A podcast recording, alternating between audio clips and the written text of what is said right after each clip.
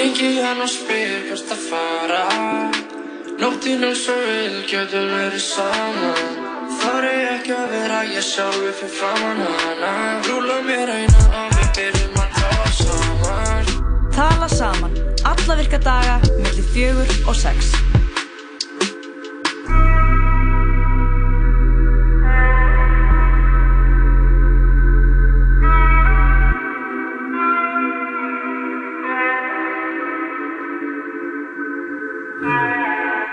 Það er svoleiðis, tala saman með þér á þessum fína þriðjudegi.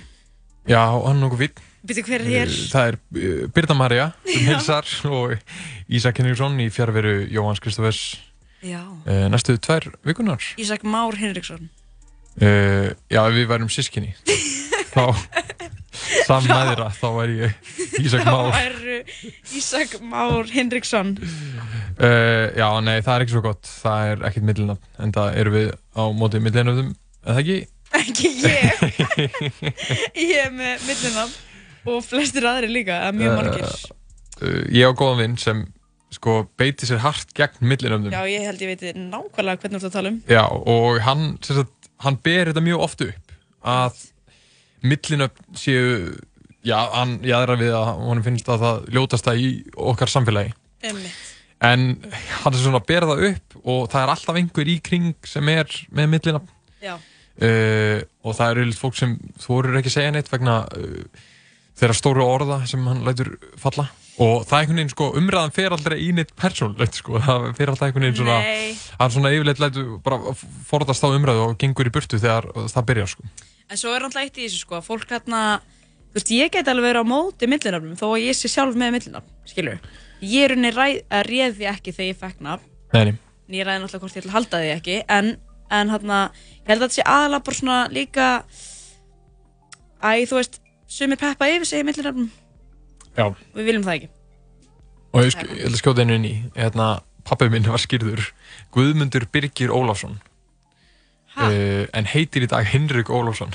Og það fór sko í gegnum nokkra, no, nokkur sko, nokkra allur það var svo að það breytið svo yfir í daginn eftir í Henrik Birgir Ólafsson og svo 20 án setna í Henrik Ólafsson. Þannig að hann tók út Birgir sko. En samt en þá á vegabrjónu stendur Birgir á milli en það er samt, þú veist, það er lengur farið. Uh, áhugavert. skemmtileg skemmtileg stærnit En þú gætir bætt við, já, má, már, hérna, mánafninu. Bara upp á grínið, bara veist, Ísak Már Hinriksson. já, ja, akkur ég að gera það. Já, mér varst bara eitthvað vanda En, vandaði bara eitthvað svona milli, millistikki í mig. Sko, Ísak, verður hjartalega velkomin í Tala Saman. já, takk fyrir. Uh, Þarna- Sko, þetta er ekki fyrst skipt sem þú talar í útvarp, uh, nei, nei. Eða útvarpi. uh, nei ég talaði áður í útvarp á á Já, ekki ríkis fjöndum. útvarpinu nú er ég já, ekki fjöndum uh, nú er ég búinn að sjú í mig kapitalismann og hérna og við komin hérna yfir á einhverstöðuna uh, tímambundið Tímabundið, en það er gaman að hafa þetta með og ég er, já, spennt bara fyrir næstu, næstu vikum. já, sem hérna. En dagurinn í dag, nei, þátturinn í dag er ekki að vera endanum. Við erum með um, fastan lið sem er svona þriðdags liður hjá okkur. Vandamálið. Já, og uh, það er annar en Bergur Eppi sem ætlar að koma og ræða við okkur. Já, hann ætlar að leysa vandamál. Hann ætlar að leysa vandamál. Sko, hann veitir endur ekki af því. Við erum að fá hann bara í viðtal. Það er Eh, góða við þetta, sko. Henda fólki bara djúbulögina. Já, og hann er maður sem vinnur eftir lausnum, uh, tel ég. Það er gott að fá að lusta með fólk og svona fólk sem að reynir allavega að leggja metnaði að leysa vandamál. Já, en hann er líka að fara frum sína uh, síningu í kvöld Einmitt. í borgarleikursunu upp úr bóksinni Skjáskott Samnefnd síning. og við ætlum að ræða nú eitthvað við hann um það. Já, það verður gaman að fá Bergabba í stúdíu en það mikil fjörkálfur. Uh, jú, jú.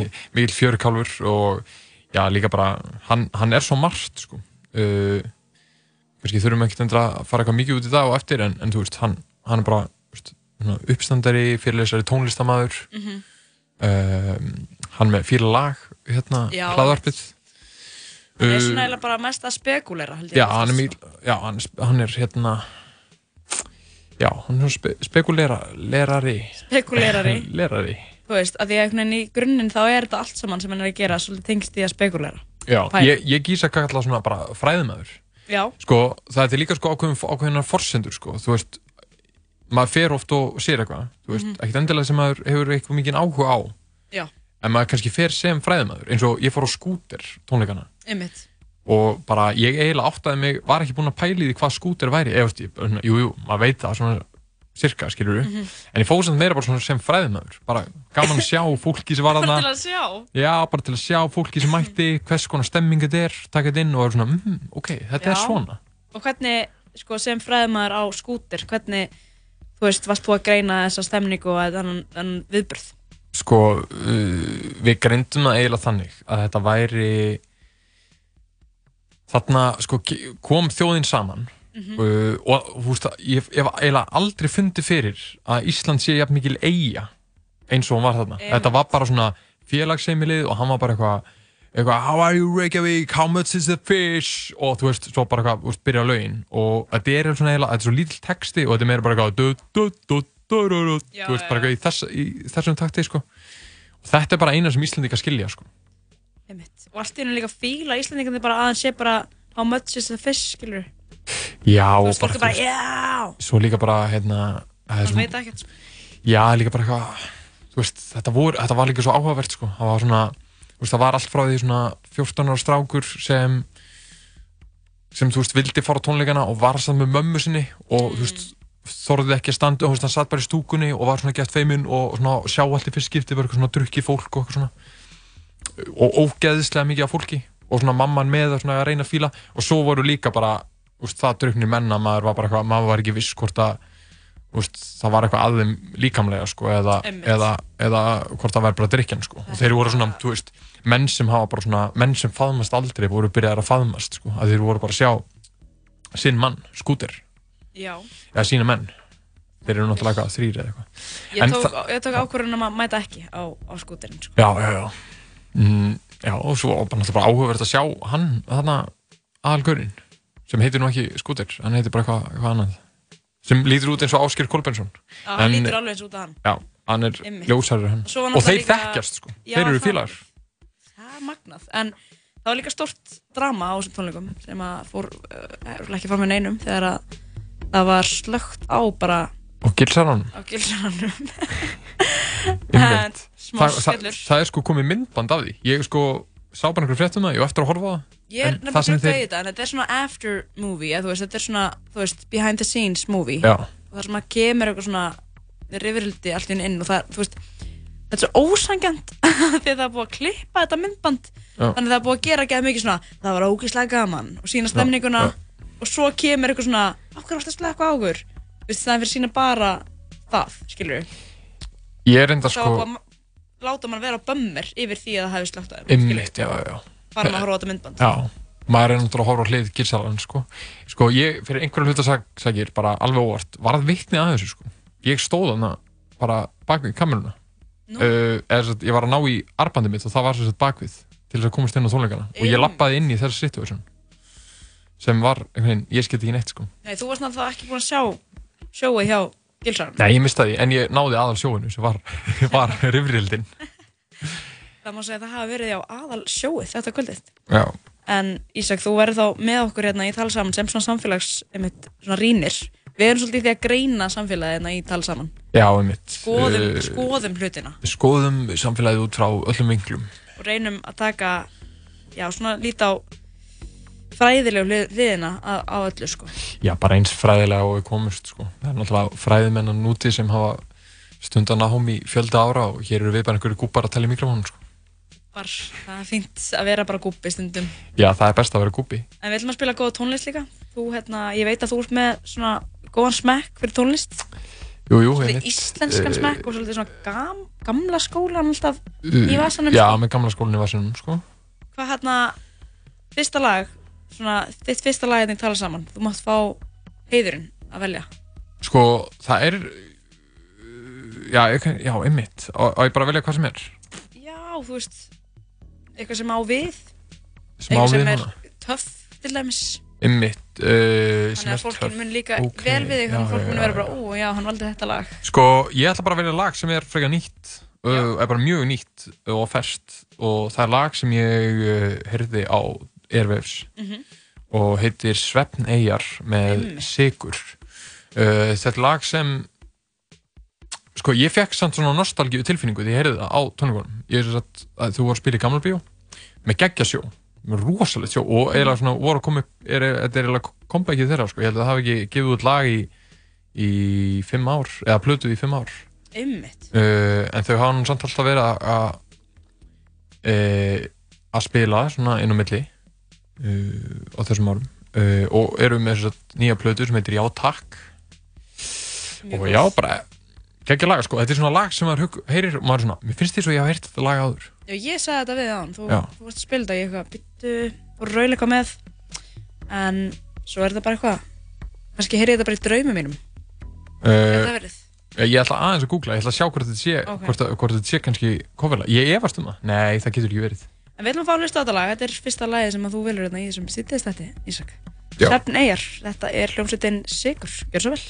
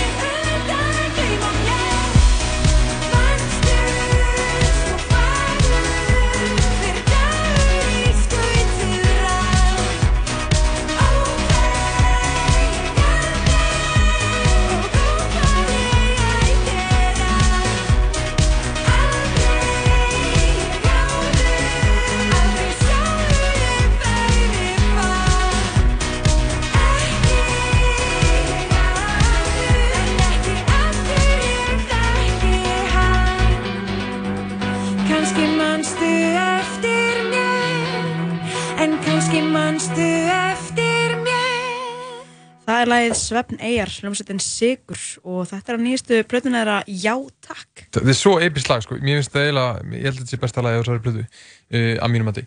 En sko mér finnst eiginlega, já, ég er bara eiginlega byrst afsökunar að hafa verið eitthvað, gífið skinn að þetta verið eitthvað coverlag sko. Þetta er, það er bara eitthvað við þetta þannig að, þú veist, viðlagið, bara eitthvað þannig að mannstu, kannski mannstu eftir mér eða eitthvað, það dæmi.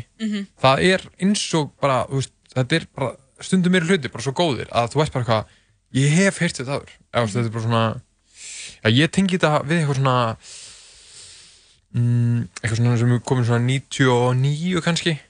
Ah, Íslands en þú veist, eða líka bara svona 70 og það væri svona í nýjum búning en þetta er bara uh, lag með sigur en þú, þér hvað, þér fannst þetta eins og verið eitthvað Mér finnst þetta hljóma eitt bara laglega en verið smá hérna, eins og eitthvað lagi Hipsum Haps en ekkert eitthvað eins, það er bara ein setting sem hljómar, hún svona fellur eins Mitt. en þetta er stórkostnætt lag og bara gaman að sjá Sigur aftur svona með smá comeback sko, þú veist ég man bara til Reykjavík skilur, svona viltu dikk mitt, viltu dikk það var sko hérna uh, Sigur spilaði einu svona samfés uh, því ég var, var í aftunanbæk já, við vorum þar saman þá. Uh, já, og þá tóku þeir sko viltu dikk, ekki með erpi oh en þeim var skipað sko að breyta textanum þannig að þeir breytið í skir.is Hæ? Já, í staðin fyrir uh, viltu dikk Bitch skir.is eða var það þannig? Já, eða það var það var eitthvað svona eitthvað Og var þetta bara free ad?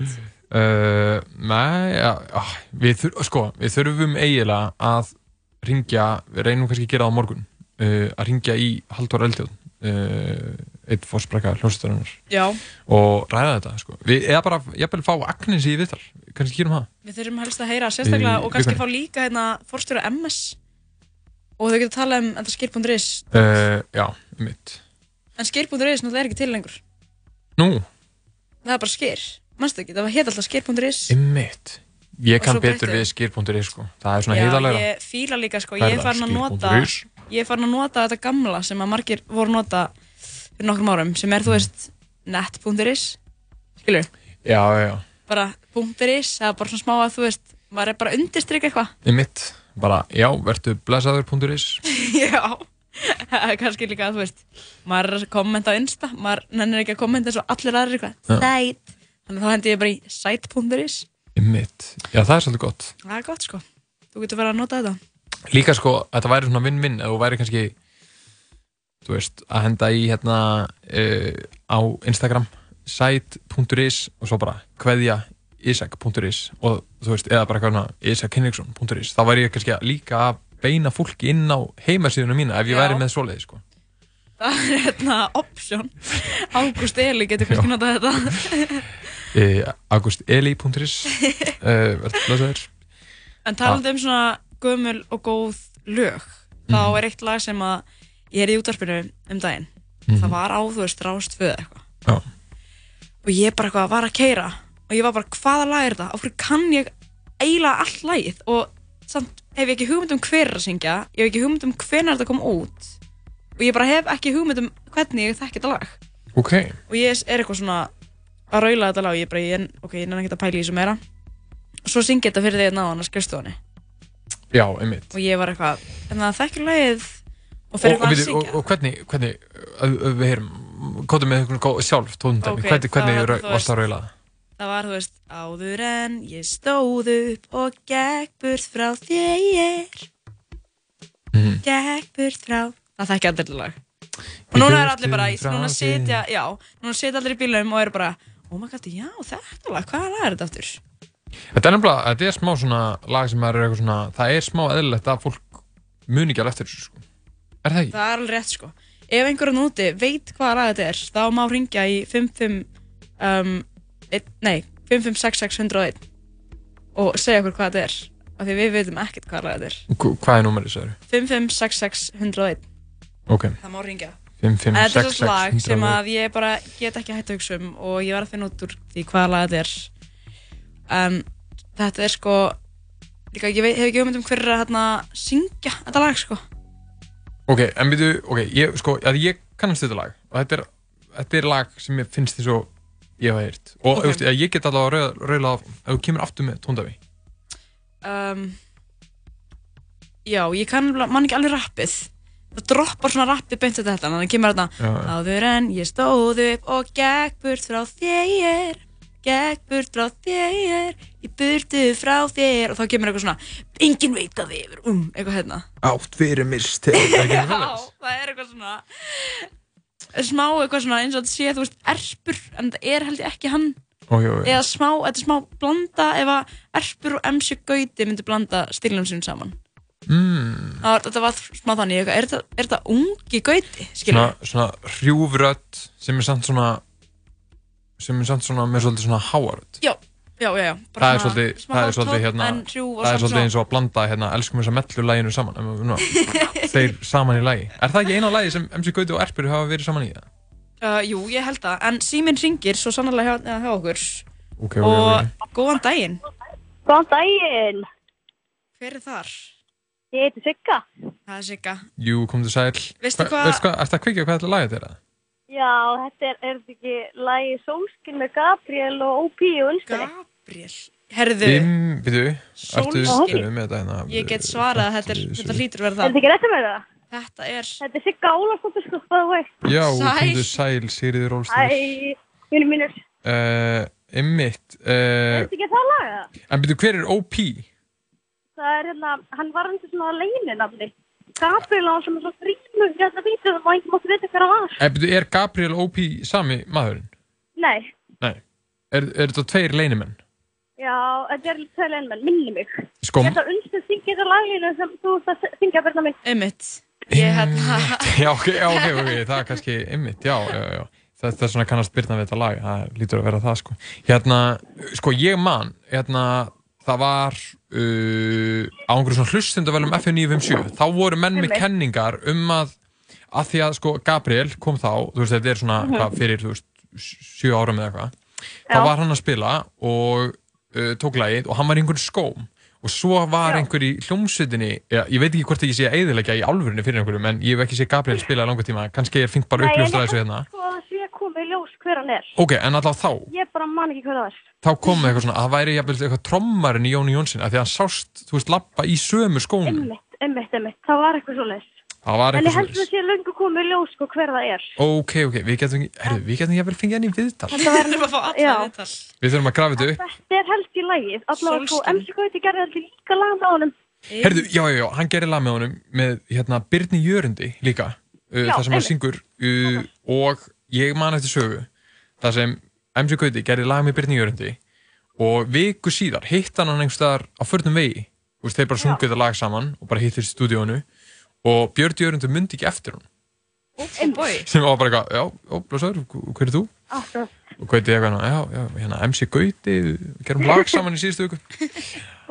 Mjög gott, uh, ég veit ekki hvort það segir meir um Gauta eða, eða Björn Jörgund þannig að það verður bara líka myndið Uh, já, eru sigur mín, sigga mín, við skulum ekki fara við erum einhverja domstæðsbá hérna einn á, á línni uh, herru, við hérna við skulum alltaf spila lægið uh, þakka þið fyrir að ringja já, já takk fyrir þess við hérna, já, gaman sér gaman að heyri þér.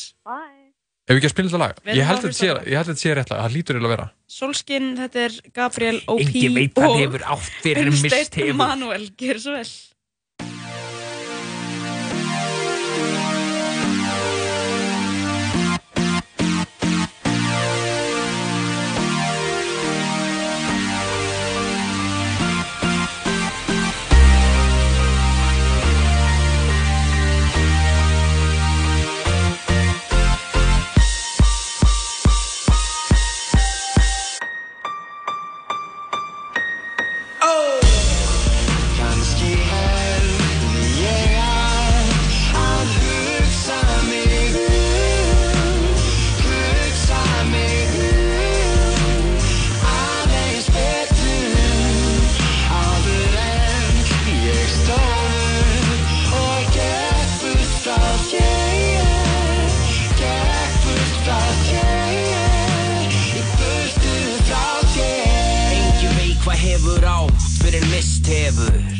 engin drauma rós fyrir en kist hefur Bak við þessi augnalók, ljósi mitt sefur Og býðu þess að vakna upp Lífið er allt og stutt til að gefast upp og hafna þessum draumum. Bara sapna þessum bönum og lifa ást í launum. Ef sólinn skín er best á tana Chilla með límónu og klaka svo ég hugsi ekki tilbaka.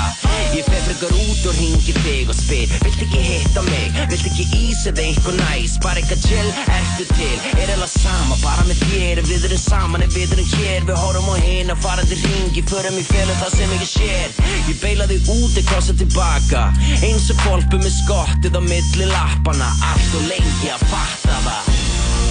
Kanski heldur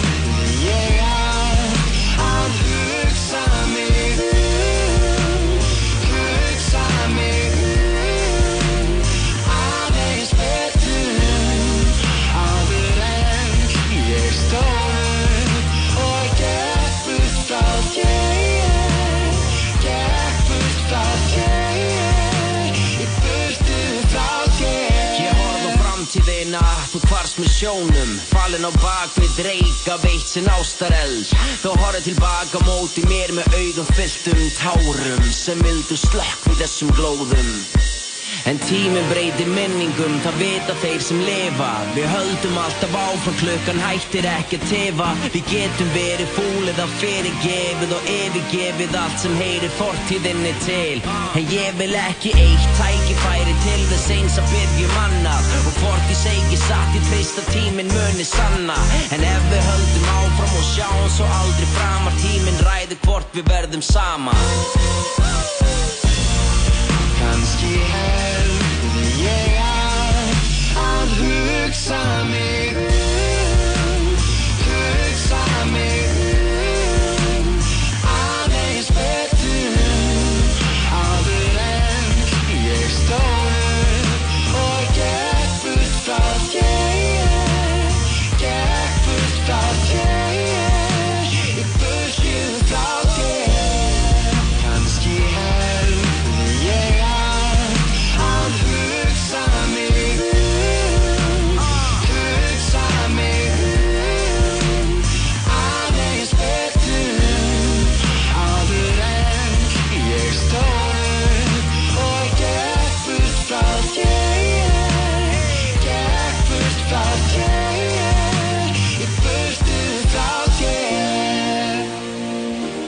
Það lagið Solskin, þetta er Gabriel O.P. og Unstedt Manuel saman á þessu, þessum banger, gamla banger. Já, þetta er lagi sem varst að leta á það ekki?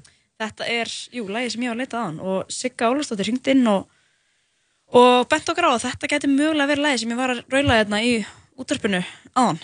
Ég Þetta fórnaði, er- fórnaði þetta smá, þú veist, ég var að syngja fyrir hlustendur, sko. Já, Það getur verið... og ættu nú að gera það oftar?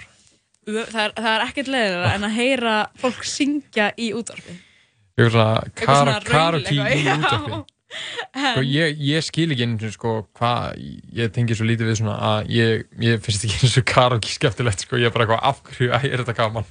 Sko karaoke er samt mjög skemmtilegt. Já, Þegar maður er í góð, góðra vinnhóp og Já, maður er svona kannski búinn að taka eitt svona uppbytunarlag Já. þannig að maður, maður er svona aðeins hættur að vera stressaður af því að ég verð sko alltaf stressuð sama hversu, hver eru með mér sko. Svo fer það bara. Já, Þá er þetta bara gaman að taka ykkur að dúetta og En ég vil fara á svona karaoke stað, sko, í útlöndum og ég tengi mjög lítið við það, sko. já, En svo kemur- lítið koma bara svo mikið af leiðinlegu lögum, sko. Já, bara eitthvað, maður er ekkert, þú veist, það er gaman að horfa á vinn sína, skilur en, Já. en já, ég farið á svona, ég fór út í Danmörku, það er svona eitt klubbur þar, eitt staður þar Mhm. sem er svona karaoke staður, hann er á strikinu og þetta er bara svona, fara einhvern veginn, ef þú ert farið karaoke út í Danmörku, þá ferðu á þennan stað. Ekkert eitthvað að því hann er geggjaður, heldur bara, Þetta er bara, bara einu staður sem fólk veit um. Já, já. og þetta er ponsu lítill staður og bara svona einn mæk og hann er alltaf tróðfullur og ég hef tekið lagarna og ég hef hort á fólk taka lagarna og við vorum, þú veist, maður gati eins og ekki staði fyrir framann einstaklingin sem var að syngja maður þurfti að vera svona hliðarherbyggi Mm. skilur, þannig ég var bara kannski að syngja um vinkonu minni. Og það var enginn fyrir framann mig sem ég þekkti. Þetta er allir að horfa á hliðina. Já, veist, þau voru bara fyrir aftan mig í öðru já, já. en það var ekki mikil stemning í því Nei, en ég mæli eins og með að lega svona karaokeherbyggina á Íslandi, sko, það er, það er alveg stuð, sko Mhm, mhm, mhm, mhm. En við erum hverginn að hætta að spila Gabriel. Þetta er raunin nýja uppáldi þitt, Ísak. Þú sagði mér það. Eh, Já, já, já, uh, jú, en þú veist, mér það að vera smá svona endur uppgötun í gangi, sko. Já, ég get alveg verið samanlegaðir þar sko. Uh, en það hlýtur að vera að sé bara búið að vera matlaði fyrst að þú heyrður þetta á Rás 2 börnum daginn. Já, ég veit ekki hver var á tökkunum þá, en eitt er víst að ég er á tökkunum núna. Já, og, þetta er einhverju Gabriel aðdáðundur. Við ætlum að, við hérna, ætlum að smelli eitt annan lag frá Gabriel og hér eru sko Gabriel O.P. aftur samankomnir en nú er Unstætt Manuel, hann fekk að vikja og Valdimar Guðmundsson komin inn í þetta lag. Já, og við byðlum til Gabriels, uh, ef hann er að hlusta að uh, já, bara framlega meira efni, það ekki? Já. Það eru dóndur lög, þetta eru allt hittar á sko. Og kannski selja, hérna, selja grímuna á brotir stór líka. Já, ég væri til að köpa þessa grímu. Nei. Hún minni mig á þarna, uh, já, ég veit ekki alveg hvað minnum á, hún er, hún er líka hekluð. Hekluð hvít gríma og hún er smá spooky sko. Það er líka myndbund á YouTube með Gabriel sko. Ég, fólk, það var heldur gert myndbund í þetta lag sem við erum að spila. Herðu, við ætlum að fá að hlusta á þetta lag Stjórniröp, Gabriel, O.P. og Valdimar. Það svo vel.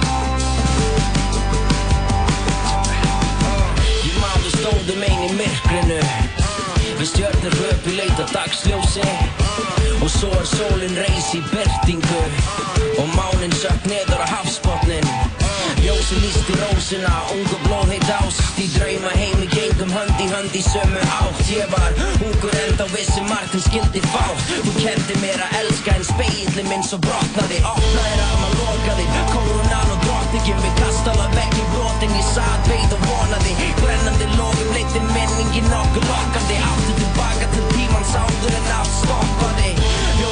Myrkun tók við á ný. Ástar engillum fór burt og ástar örfunum á vopnaðist. Hjartað hoppaði. Og núna aftur stend ég einn við stjórnir röpun í nóttinni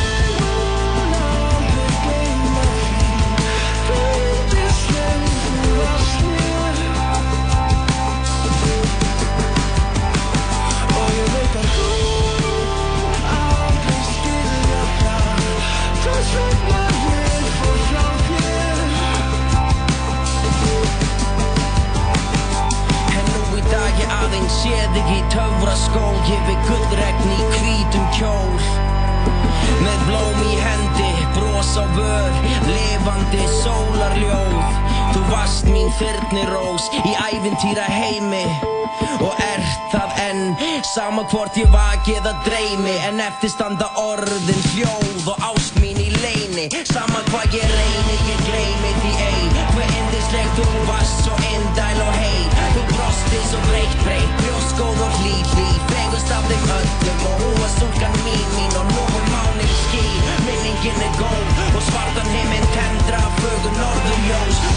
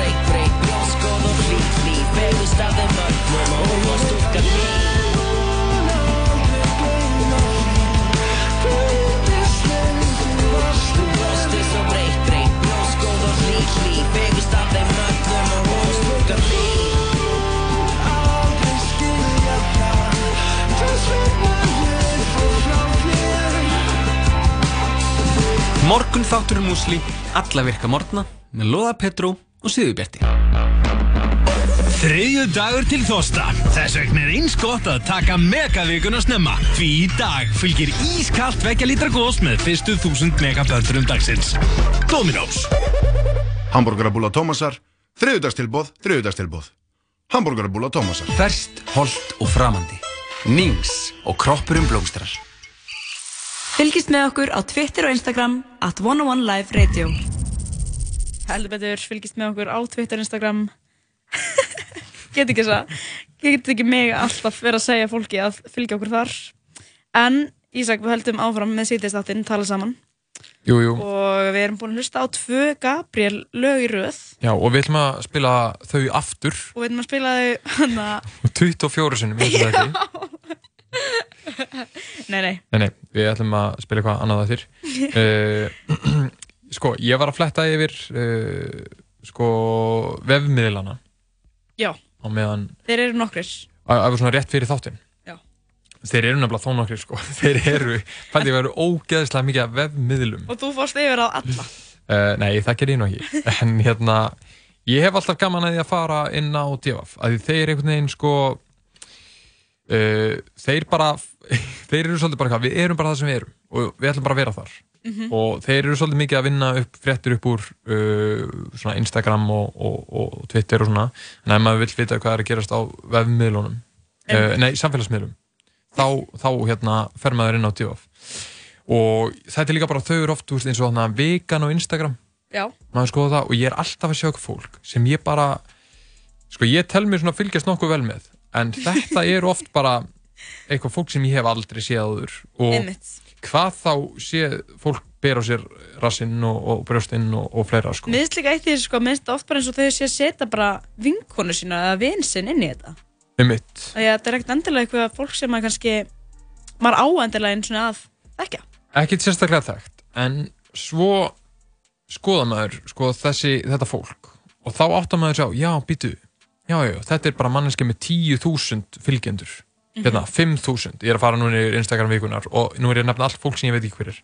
17,8 uh, þú veist 30.000 uh, þú veist, þetta er allt í þessu og maður bara, ég veldi bara hvað fólk er þetta, hvað gera þau? Og tíðan var fyrir einmitt að taka fyrir uh, par. -hmm. sem er með uh, sko, bara já, hérna fyrirsögnin er, kærasti brindisar lífar sem ég veit ekki hver er og er að sjá í fyrstskipti og, hérna, og ég gerur svona ráð fyrir á fyrstu myndinni að hún sé mótel uh, er með, já, kærasti Bryndísalífar er með fleiri fylgjendur en hún.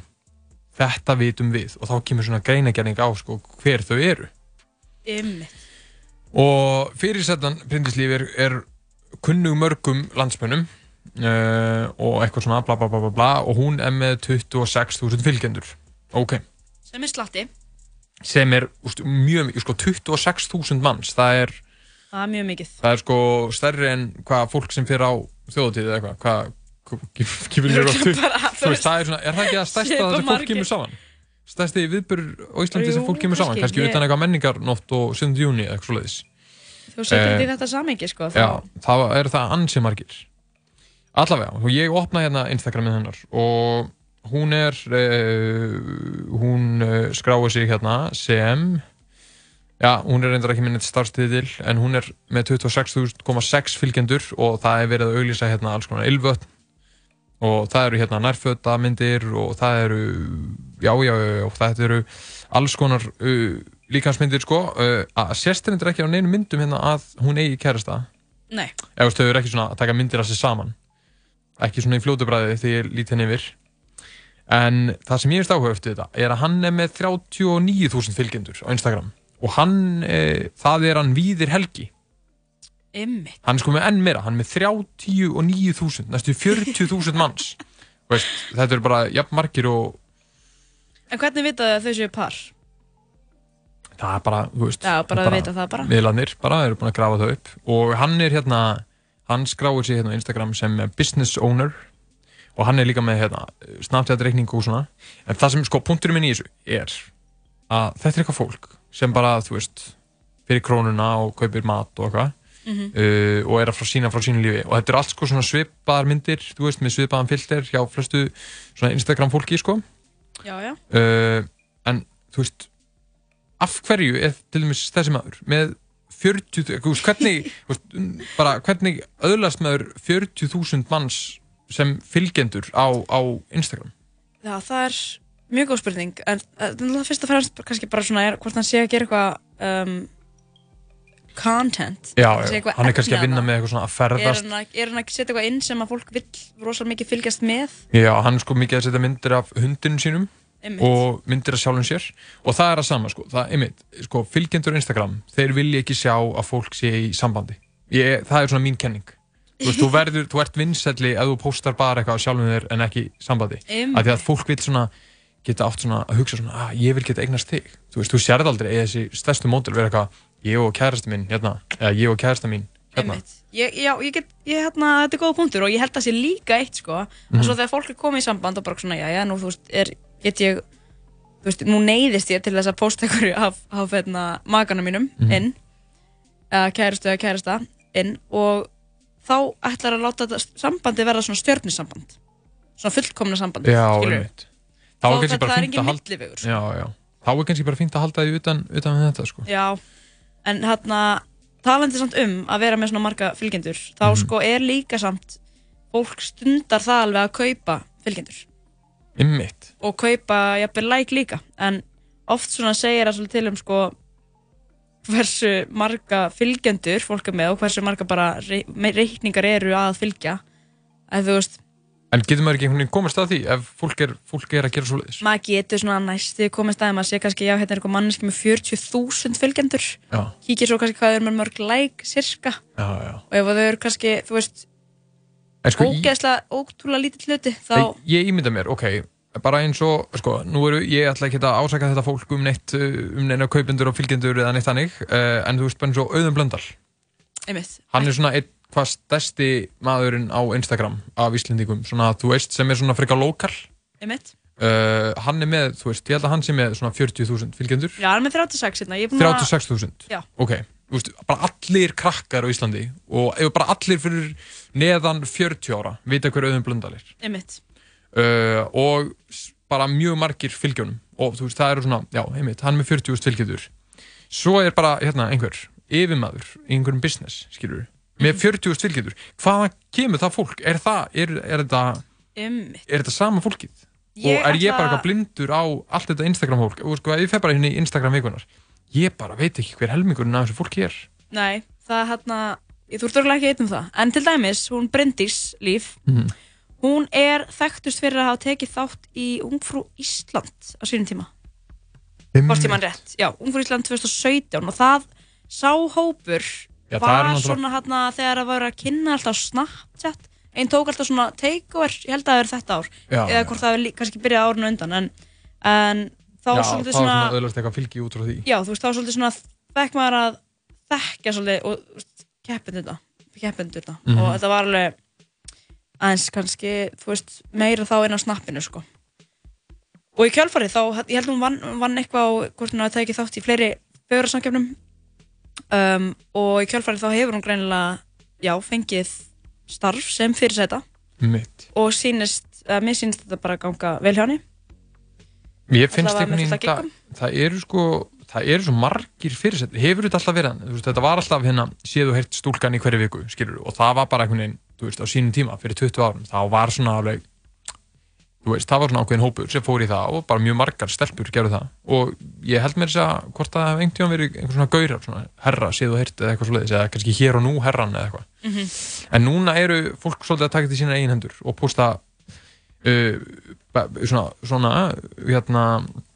bossamyndum frekar mikið sko.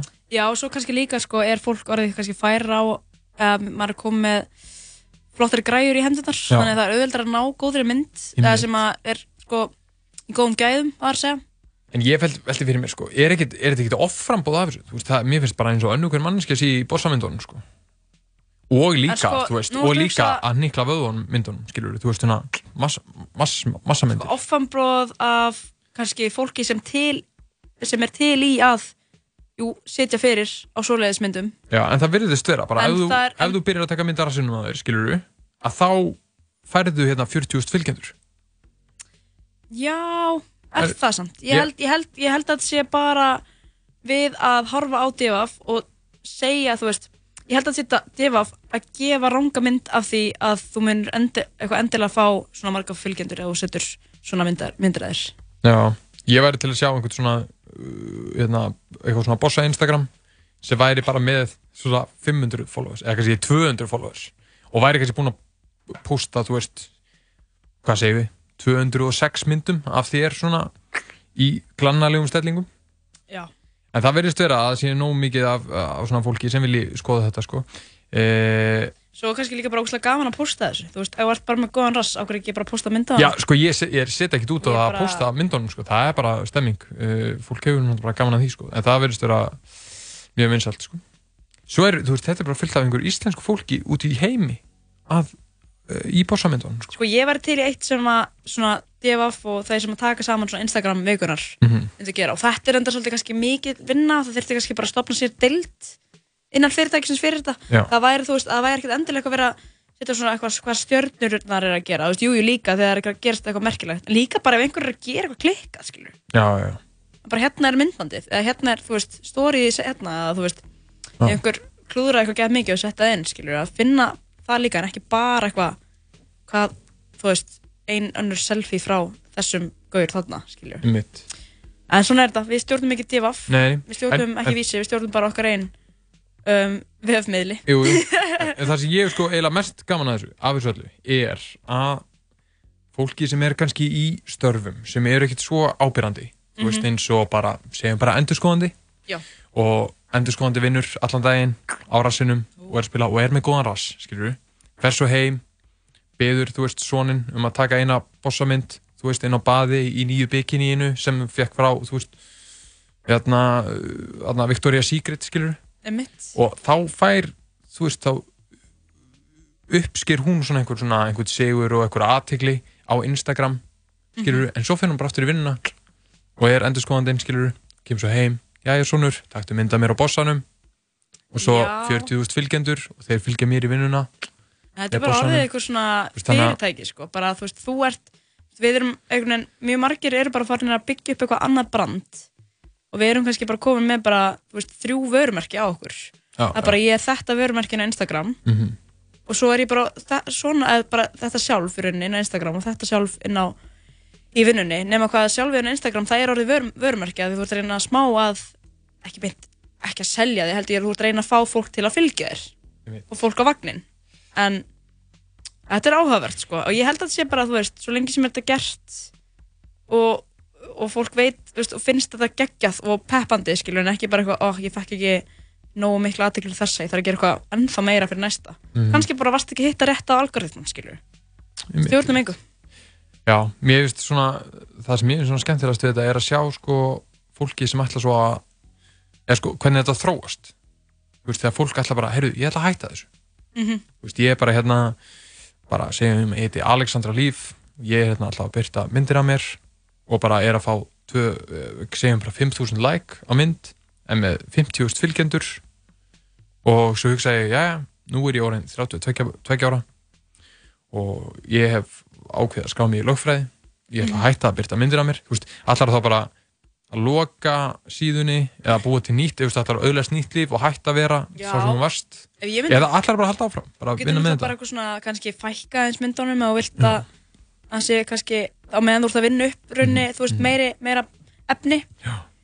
Um, á sama tíma þá verður maður náttúrulega líka bara að vera stoltur af því sem að maður hefur gert Já, gegnum tíðina algjörlega. og um, ekki, þú veist, það er allir, einmitt eins og segir, að það, það sem er fyndið við þetta, það er rauninni, maður er eitthvað, allir eru að gera þetta og að því allir eru að gera þetta, þá er veginn, er, er maður bara hvað, Bara, allir að já, gera þetta, skilur, þú veist, af hverju ekki bara vera, af hverju ekki bara, gerir þú þetta ekki, skilur, eða fattur þau, en ég held bara að, þú veist, það er bara sorglegt, en hún myndi bara líka fara að missa followers, það er ekki svona að fara að posta mynda af einhverju bók, sko.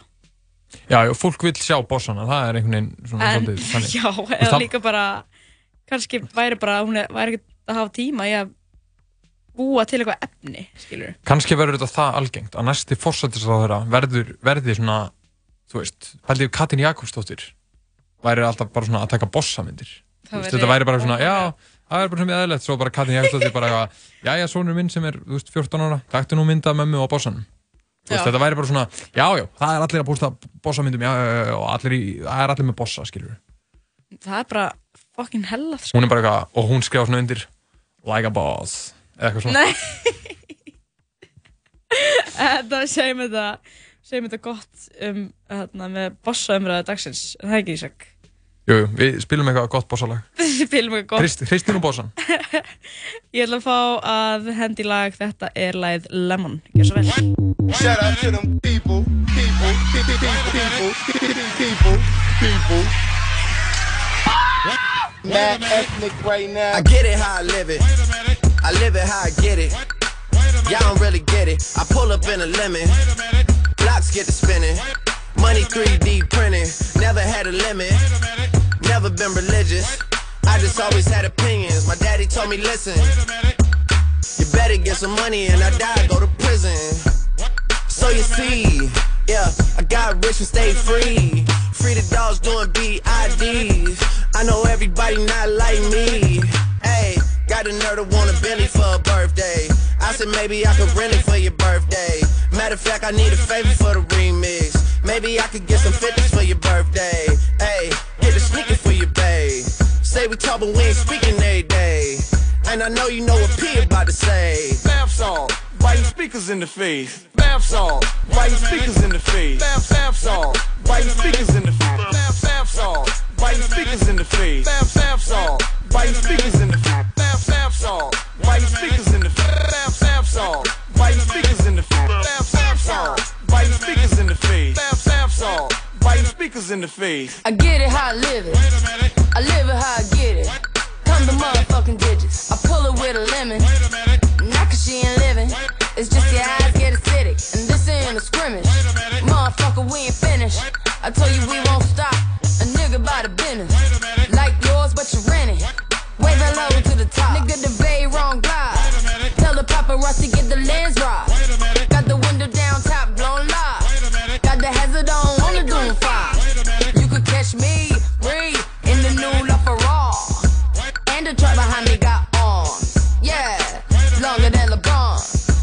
Waiting for my thumb like the fawns. Woo, this beat tastes like lunch, but it's running from veneers and it's running from the fronts. But every day, hey, well, lemonade. I was afraid once a nigga graduate, would I be okay? So I prayed and I played. It's Rihanna, nigga. My constellation is space. Warp speed, the spark couldn't chase, nigga. Bath salt, biting speakers in the face. Bath salt, biting speakers in the face.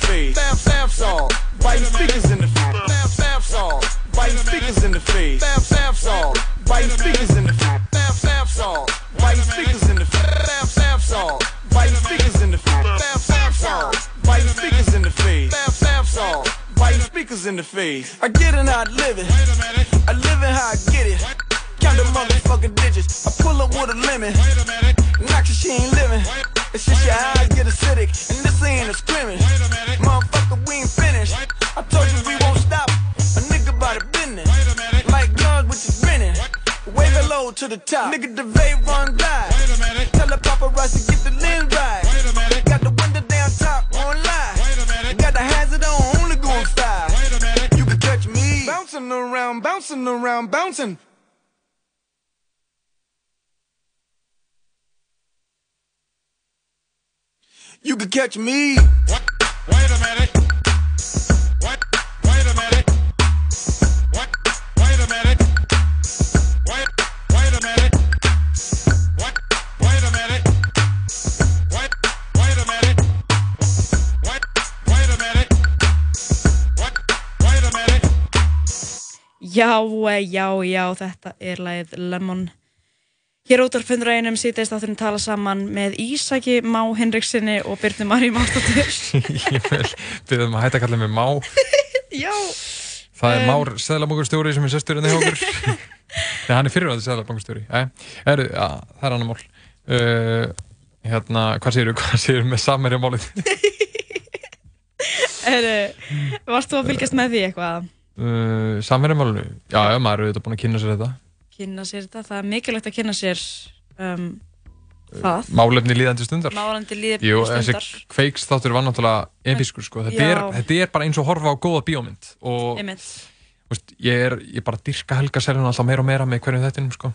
Uh, hann er bara svo veist, bara, núna, hann er, er bara orðið bara þegar maður heyrir hans, þá er maður bara svona, ah, já, já, Mhm. þetta er bara eins og að byrja á einhverju góður mynd með þú veist, bara hérna uh, já, bara einhverju góðum og Leonardo DiCaprio sko- eða eitthvað Mér fannst það sko eitt við, við þáttinn sem Já. að svona, ég skildi ekki alveg hvort þau voru að reyna að ágæta það var þannig að eins og bara þau voru að tala um einhverja tösku Mhm. eitthvað, hann lenda á flugveldurum fór, kifti tösku og fór svo upp á hótel eitthvað svona og var að fara að setja einhverja peninga í töskuna eða eitthvað Já.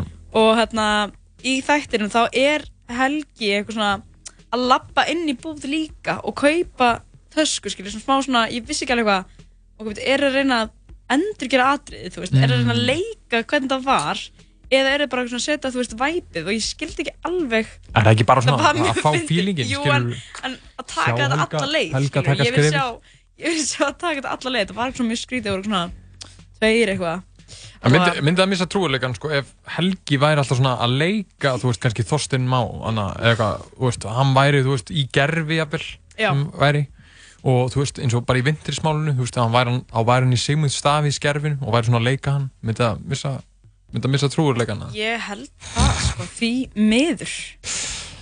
Uh, en þetta er samt svo gott sko, að því að Helgi er svona, hann er rebel sko, þú veist, hann svona það er smá svona nekli í honum. Já. það er svo gott að hann sé bara í einhver svona samherja máli bara með 30.000 skjöl á baku sig og þú veist, svo er bara komin bók. Já, það er bara komin bók og hún sko, hún er, hún er þykk. Þetta eru uh, 300 blaðsýður eða meira sko. Við þurfum að ég leggjast yfir þetta allt saman. Við þurfum að leggast í þetta samir málið góða uh, Já, þú veist þetta er það sem allir eru að tala um uh, allir um kaffestofum, við kannski, það er kannski nóg verið að tala um þetta annarstaðar sko. Uh, Já. Það var líka góður þáttur í Silfrinu. uh, á Rúf síðasta sundag það voru svona góðar umræður um þetta allt og fólk svona að rífast almennilega sko og hrista höfuð og andvarpa langt sem maður horfði eitt svoleiðis þátt sko. Já, en uh, talað um aðna bækur. Og góða bók.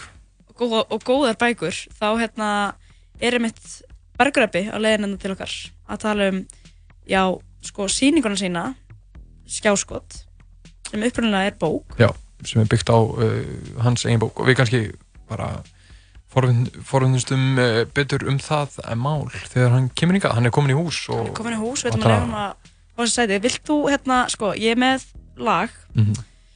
í bæði sko nýjasta búningnum sem er með Jófríði eða original-læð með Rauk og Gísla Þetta er að- lagið Drauma prinsinn Drauma prinsinn. Sko ég væri til að heyra nýju útgána. Nýjátgan Við ætlum bara að dempa okkur í Drauma prinsinn Þetta er Jófríður Ágadóttir og þetta lag er úr myndinni Agnes Joy Ertu búin að sjá þessa mynd? Uh, ég er búinn að sjá hana. Og við erum auðvitað að spila þetta lag út af hinn sannig Drauma prins er að setjast í Það er rétt. En sannig Drauma prins Bergur Eppi verður hérna eftir örskamastund Hlustum á þetta lag og njótum.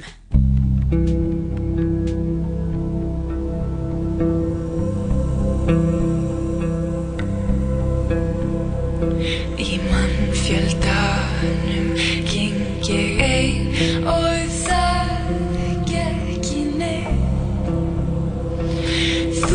Þúsundir bíla þjóta hjá þegar tilveran er graf.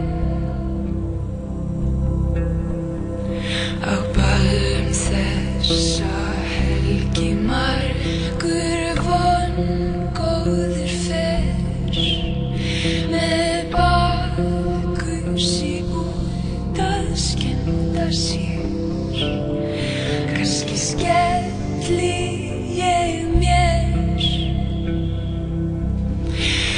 kannski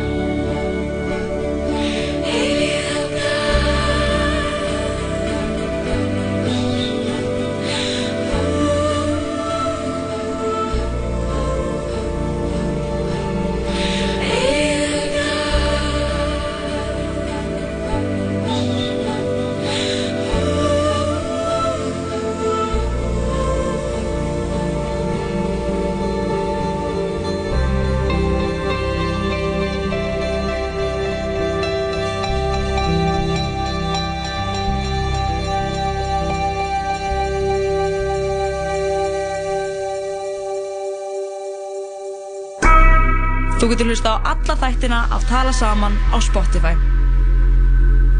Millifærðu gagnamagn á fjölskyldu eða vini í neyð. Sambandi. Símafélag framtíðarinnar. Fylgstu með þeim bestu takast á í Dominós deildinni. Við stöndum vaktina í allan vetur. Vertu með Dominós. Nú er hita bylgja á Serrano sem þýðir að þinn uppáhalds burrito á matsæli kostar aðeins 1099 krónur út vikuna. Við tökum á móti þér í snarkandi góðum gýr. Serrano. Fresh. Happy. Max. Tala Saman. Alla virka daga, millir fjögur og sex. Í bóði Dominos og Zombieland Double Tap Komin í bíó Já, og það er uh, Draumunprinsinn sjálfur, Bergur Eppi, sestur hjá okkur.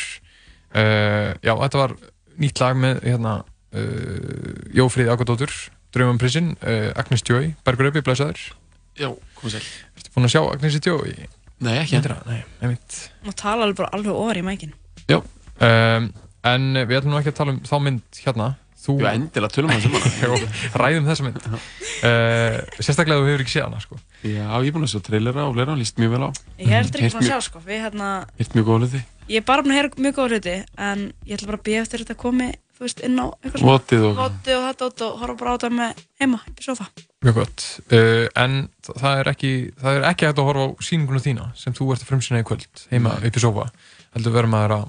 að Já. Það er heldur ekki hægt hægt að horfa á hana ef maður mætir. Það er bara alls ekki hægt að horfa á hana neitt. Hvað? Á sýninguna? hans. Nei, ég er grínast. en Það er reyndar uppsett á hana, sko. En Já, þannig að- ok. þannig að það er mót takundir það, sko. Já, þú ert að frumsýna Það verða fleiri. sýningu í kvöld. Já. Uh, hvað getur þú sagt okkur? Ég er að frumsýna sýningu í borgarleikusunni sem heitir Skjáskott en ég gáði bók sem hétti nafni, kom út í september og um, sýningin er því byggði á þessari bók en þetta er svona í fyrirlestraformi Mhm. Ég myndi frekar segja það, fyrirlestur frekar en einleikur ég er ekki að leika neitt sérstakann karakter eða eitthvað þannig, ég er bara ég að fjalla um umfylgjarnarefni bókarinnar. Og, og hvert er umfjallanemni bókarinnar? um, Bókin fjallar um um svona uh, svona reynslu okkar svona sístu tíu ára af samskiptum við snjallvæðingu og sítengingu og tækni heima Mhm. af því að, að þú veist, maður getur fjallað um tækni endalust með eitthvað svona "Ah, komið hérna nýr snjallsími nýtt app eða eitthvað fleira og við erum alltaf að því en við erum búin að vera í tengslum við nákvæmlega þessa tækni, það er lengi núna í rúman áratug, að ég held að þessi komið tíma að við förum að skoða hans dýbra hver er svona dýbru narratífin í, í þessari sögu uh, og hvert stefnum við og hver er pælingi með þessu? Mhm. og hvaða áhrif hefur þetta haft á gildismat okkar tilfinningar okkar svona kollektíft? Og ég get kannski ekki svarað þessu öllu eitthvað sem sem einstaklingur en maður, maður er samt, ég held að flestir sem byrjaði að byggja sér upp einhverju skoðanir á þessu. Mm kannski og einmitt, ekkert endilega með svör. En nú hef ég ekki lesið bókina, ekki enn. En hvað, þú veist, varstu í ykkur svona heimildaleit bara, hvað, hvað, hvað leiðir fórstu til að afla þessa upplýsingar? Ég er búinn að vera í rauninni í þessum heimi í svona fimm ár núna. Mhm. Ég byrjaði, já, í rauninni 2014 þá byrjaði ég í námi sem er svona framtíðar og nýsköpunarfræði. Og ég fekk mér fljótt áhuga sérstaklega á bara pælingun á bakvið gagnasöfnun. Big data og því hugtæki og svona retoríkin á bakvið það. Mhm. og fór í kjölfarið að fá mjög mikið áhuga á svona tækni fagurfræði, svona tækni retorík og svona, og svona sögnum í upplýsingatækni og svona myndarætni byrtingu og já, ég svona var að vinna í því svona akademíst og, svo var ég að vinna sjálfur mjög mikið í svona trendskönnun svona minnstra greiningu og fleira svona til að skoða kannski gera sviðsmyndi fyrir framtíðina Mhm. og um leiðum maður einhvern veginn opnar augu sín þannig þá, þá, þá, þá kemur svona nýtt sjónarhótt þannig að þetta er miklu frekar kannski svona, já, búin að, búin að staðsetja svona ákveði sjónarhótt kannski frekar heldur en eitthvað svona mjög takmarkuða þröngur ansóknarspurning Mhm. og heimildöflun eftir því um leiðum maður er búin að finna sér ákveði sjónarhótt hvernig maður vill horfa á hlutina þá byrja alls konar kvestaslegi hlutir í rauninni bara að vera heimildir Mhm. og það er rosalega mikið af hlutum sem koma fram til mér í okkar fjölmjöla umhverfi sem að, þú veist, verður að viðkynast sko þrývít, sko, veist, við fáum fréttir af, af hlutum, bara segjum bara eitthvað Brexit eða Trump eða einhver svona reistólum hlutum. Mhm. það sem við náum er ekkert að fara á dýftina í hvaða tómarúmi við erum að fylla upp í svona kollektíft hjá fólki. Og en um leiðum að kannski skoða hlutina aðeins út frá til dæmis mögulega einhverju svona holrými sem hefur myndast út af samfélagsmiðlum. Og kannski fær maður svona meiri svör við því. fólk er búið að reyta af sér rosalega mikið. Það er búið að, ska, það er búið að, það er búið að krefja svo mikið af fólki í síðustu Mhm. tíu ár það er, það er, er gerð krafa um það að fólk veiti alls konar upplýsingar og að það skilgrinni sig að það sé á, með skilgrinningu um sjálft sig á taktinum og það þurfu endurist að selja sig svona Mhm. personal branding stíl og ekki bara eitthvað svona manneski eins og ég sem vinn eitthvað aðeins í showbusiness og eitthvað heldur bara vennilegt fólk, það þurfa allir endalust að vera að selja líf sitt og sína fram á það síðan einhvers virði og það er ekkert eins og við séum að selja þetta dýru verði. Það er bara verið að taka þessar upplýsingar til þess að selja menn í stregaskó eða eitthvað skiljið, þú veist eins og verið að nota þessum gagnagreiningar og hefur líka leitt til líðræðishalla ég ætla að fá að vera á svona smá neikvæðin aðeins í byrjun. Ég sé alveg ákvæða er- hluti líka sko. Allt í góðu, sko. en, hérna, en, en, en það sem ég á við er það að, að þegar upp er staðið með það þá held ég rosalega mikið að fólki sé rosalega vonsvikið. Ég held sé rosalega svegt Mhm. og það situr uppi með kannski hugsana í einhverju tilvægum svona einhverju skerta sjálfsmynd og Áttu, áttu við vegna þess að fólk er að skilgrina sig og þarf að Já, skilgreina og sig bara svo þú veist eins og ég, ég held að sko ástæðan fyrir því að fólk sem þessi svo að, að einhverju segja að fólk í dag sé svona narsisíst sé ótrúlega upptikið að sjálfu sér Mhm. uh, alltaf byrta einhverju selfies og eitthvað svona. Og bossamyndin eins og við vorum að ræða hérna Já, ég held, já, er náttúrulega alveg fyndir hlutir á þessu líka. Og einhver, einhver, hluti á þessu er bara einhver svona narsisismi, bara eitthvað að dýrka sjálf sig. En ég held að ástæðan fyrir því að fólk er orðið svo ótrúlega umhugað um skamtíma hagsmunni og hagsmunni sjálfsins Mhm. er út af því að það er búið að strípa það af svo miklu öðru, þetta er eina sem það hefur. Einmitt. og svona stærri eru miklu erfiðar að byggja upp. Og um, það er líka ástæðan fyrir að populistar með skamtíma lausnir og fleira ná, ná hérna völdum. Og það getur gerst á Íslandi og verður ótrúlega sársökufullt með þess að það myndi gerast á Íslandi.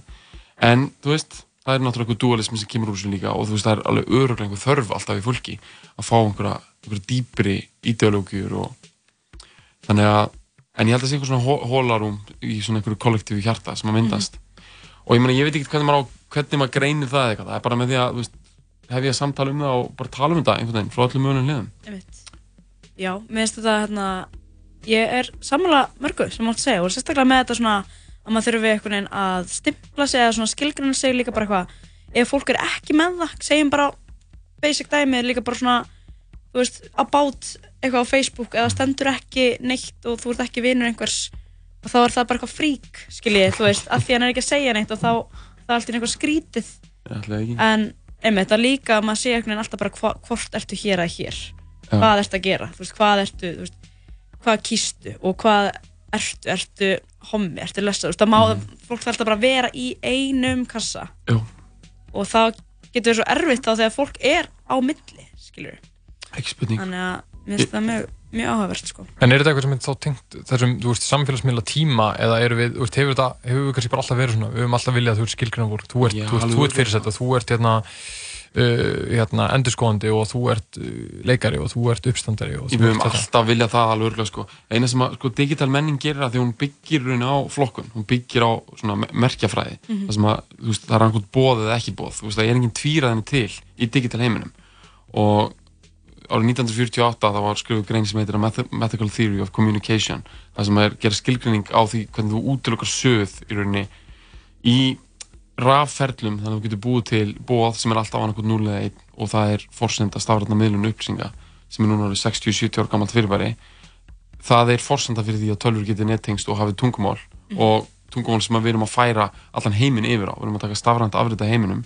E, en það er svo áhugavert með það að það var útlókunin á söðunu sem að var gerði samskiptastadalinn svona ítti honum úr vör á sínum tíma.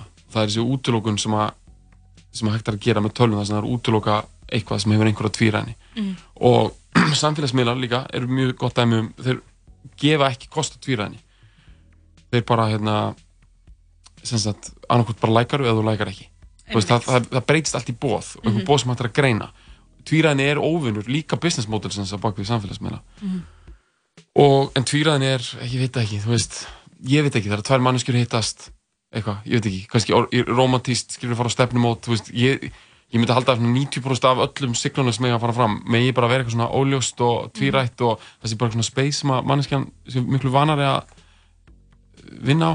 Og núna er svolítið verið að eyða því í burtu. Og, og það er það sem gengur rosalega nálat okkur, það fyrir rosalega nálat hjarta okkar þegar það verða í rauninni alltaf að krefja okkur um einhverju afstöðu út af því að segjum sér svo að þú farir í hérna veist að það, það verður byggjum að reyta hluti alveg endalust skilur, þú veist bara ef maður tekur símtal á Facebook Messenger þá kemur how would you like to rate this call? þegar það er búið. Og ég veit að maður getur alveg ignora það. En það er líka afstæða að ignora það. Það er líka skráð að þú hefur ekki reytað eitthvað símtal. En þetta er, þetta er orðið svo fjárstæðakent því að þú veist, akkur þurfum að reyta hvert einasta símtal sem við tökum, akkur þurfum að gefa öllu engun er út af því að hlutir hafa ekki lengur neitt virði nema þeir hafa engun, þetta er orðið okkar currency í dag.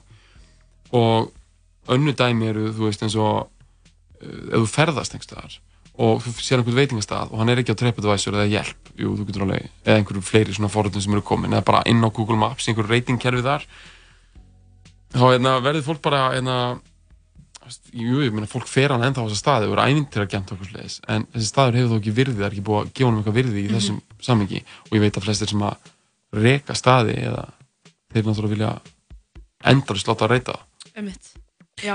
En sko, hvað er langt svona cirka síðan þú fórst að, að pæli í svona tækni og gerfegreind og, og þessum svona þessu sem þú fórst að, að skrifa um? Sko ég, eins og ég sagði á hann, þá held ég að ég hafi byrjað svona fyrir cirka fimm árum að pæla í þessu uh, og byrjaði svona rauninu aðeins svona akademíst, sko, því ég var í háskólanum á þeim tíma.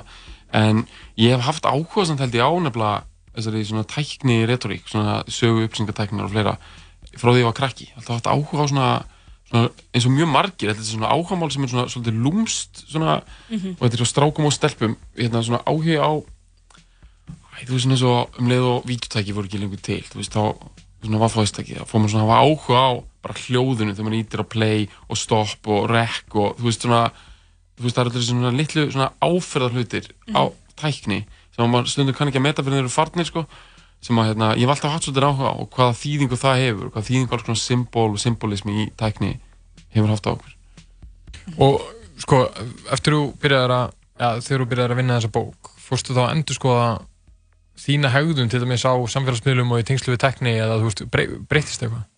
Nei, ég veginn ekkert endilega, mjög mikið. Ég, náttúrulega, þú veist, nú, nú er ég búinn að vera eitthvað svona voða, með einhver domstagsbár alveg heilengi, en ég meina, samfélagsmiðlar, þú veist, eins og ég nota og er að mestu leiti bara e- ekkert, nema bara mjög gott tól. Ég meina, ég er einmitt svona, þú veist, gjóð bók og promotera fyrirlæstur og fleira og get komið hugmyndum mínum á framfæri og þetta kvöttar út ógstamarka milliliði, þetta er bara ótrúlega frábært fyrir skapandi fólk á öllum aldri og ég held að yngri kynsluður séu svona betri að nýta sér það og hérna ég held líka að þú veist lang flestir, eða þetta eru lang fæstir séu raunverulega í einhverjum svaka vandræðum með þetta Mm. og þess vegna líti ég ekki veginn, og ég vil heldur ekki nálgast hvort þessa bók eða fyrirlessun sem einhver svona pretingur um það að það þurfa að vera einhver rosa siðbót í þessu ég held bara, ég held bara að við þessi bara upplýsandi jafnvel skemmtilegt og bara fyndið stundum að pæla í einhverju svona dýpri narratífum og Mhm. fá einhverja dýft í hluti ég held að sé bara ég held að sé ekkert endilega að því út af því mér finnst allt verið einhverju fokki og, Mhm. og fólk er einhverju ruggli ég held að sé bara, sé bara komin eftirspurn eftir því að, að pæla dýpri í þessu. En svona bara eins og þú veist, þú talar um í bókinni líka bara að, að hérna, þú veist, það er allt skráð í dag, þú veist, bæði bara samskipti okkar, þú veist, eru til, maður getur skoðað samskipti, sko, tíu ár aftur í tíman á Facebook, maður getur, hérna, það er allt, uh, allt er skráð, uh, bara staðsetningar og, og, og hvað við gerum og hvernig við, hérna, kaupum okkur miða á, á þú veist, síninguna þína eða hvernig við, og á- af hverju, þú veist, hvaðan við opnum auglýsingu af vefmiðli og svoleiðis. Mm og líka bara það sem er oft talað um stóri lekin, þegar allt mun leka. Þú veist, þegar Facebook mun bara opna öll messenger samtöl og, og allt sem hefur gerst. Hrætti þetta þig ekkert þú varst að, Jú, að skoða þetta allt? Jú, jú, ég var svolítið að fjalla um þetta sko í síðustu bók sem heitir Stofuhitti, það var svona meira í þessu af því að þú veist, náttúrulega í bara allir eðlir svona skinnsemi sko, þú veist, þá á maður náttúrulega, maður á ekki útiloka neitt.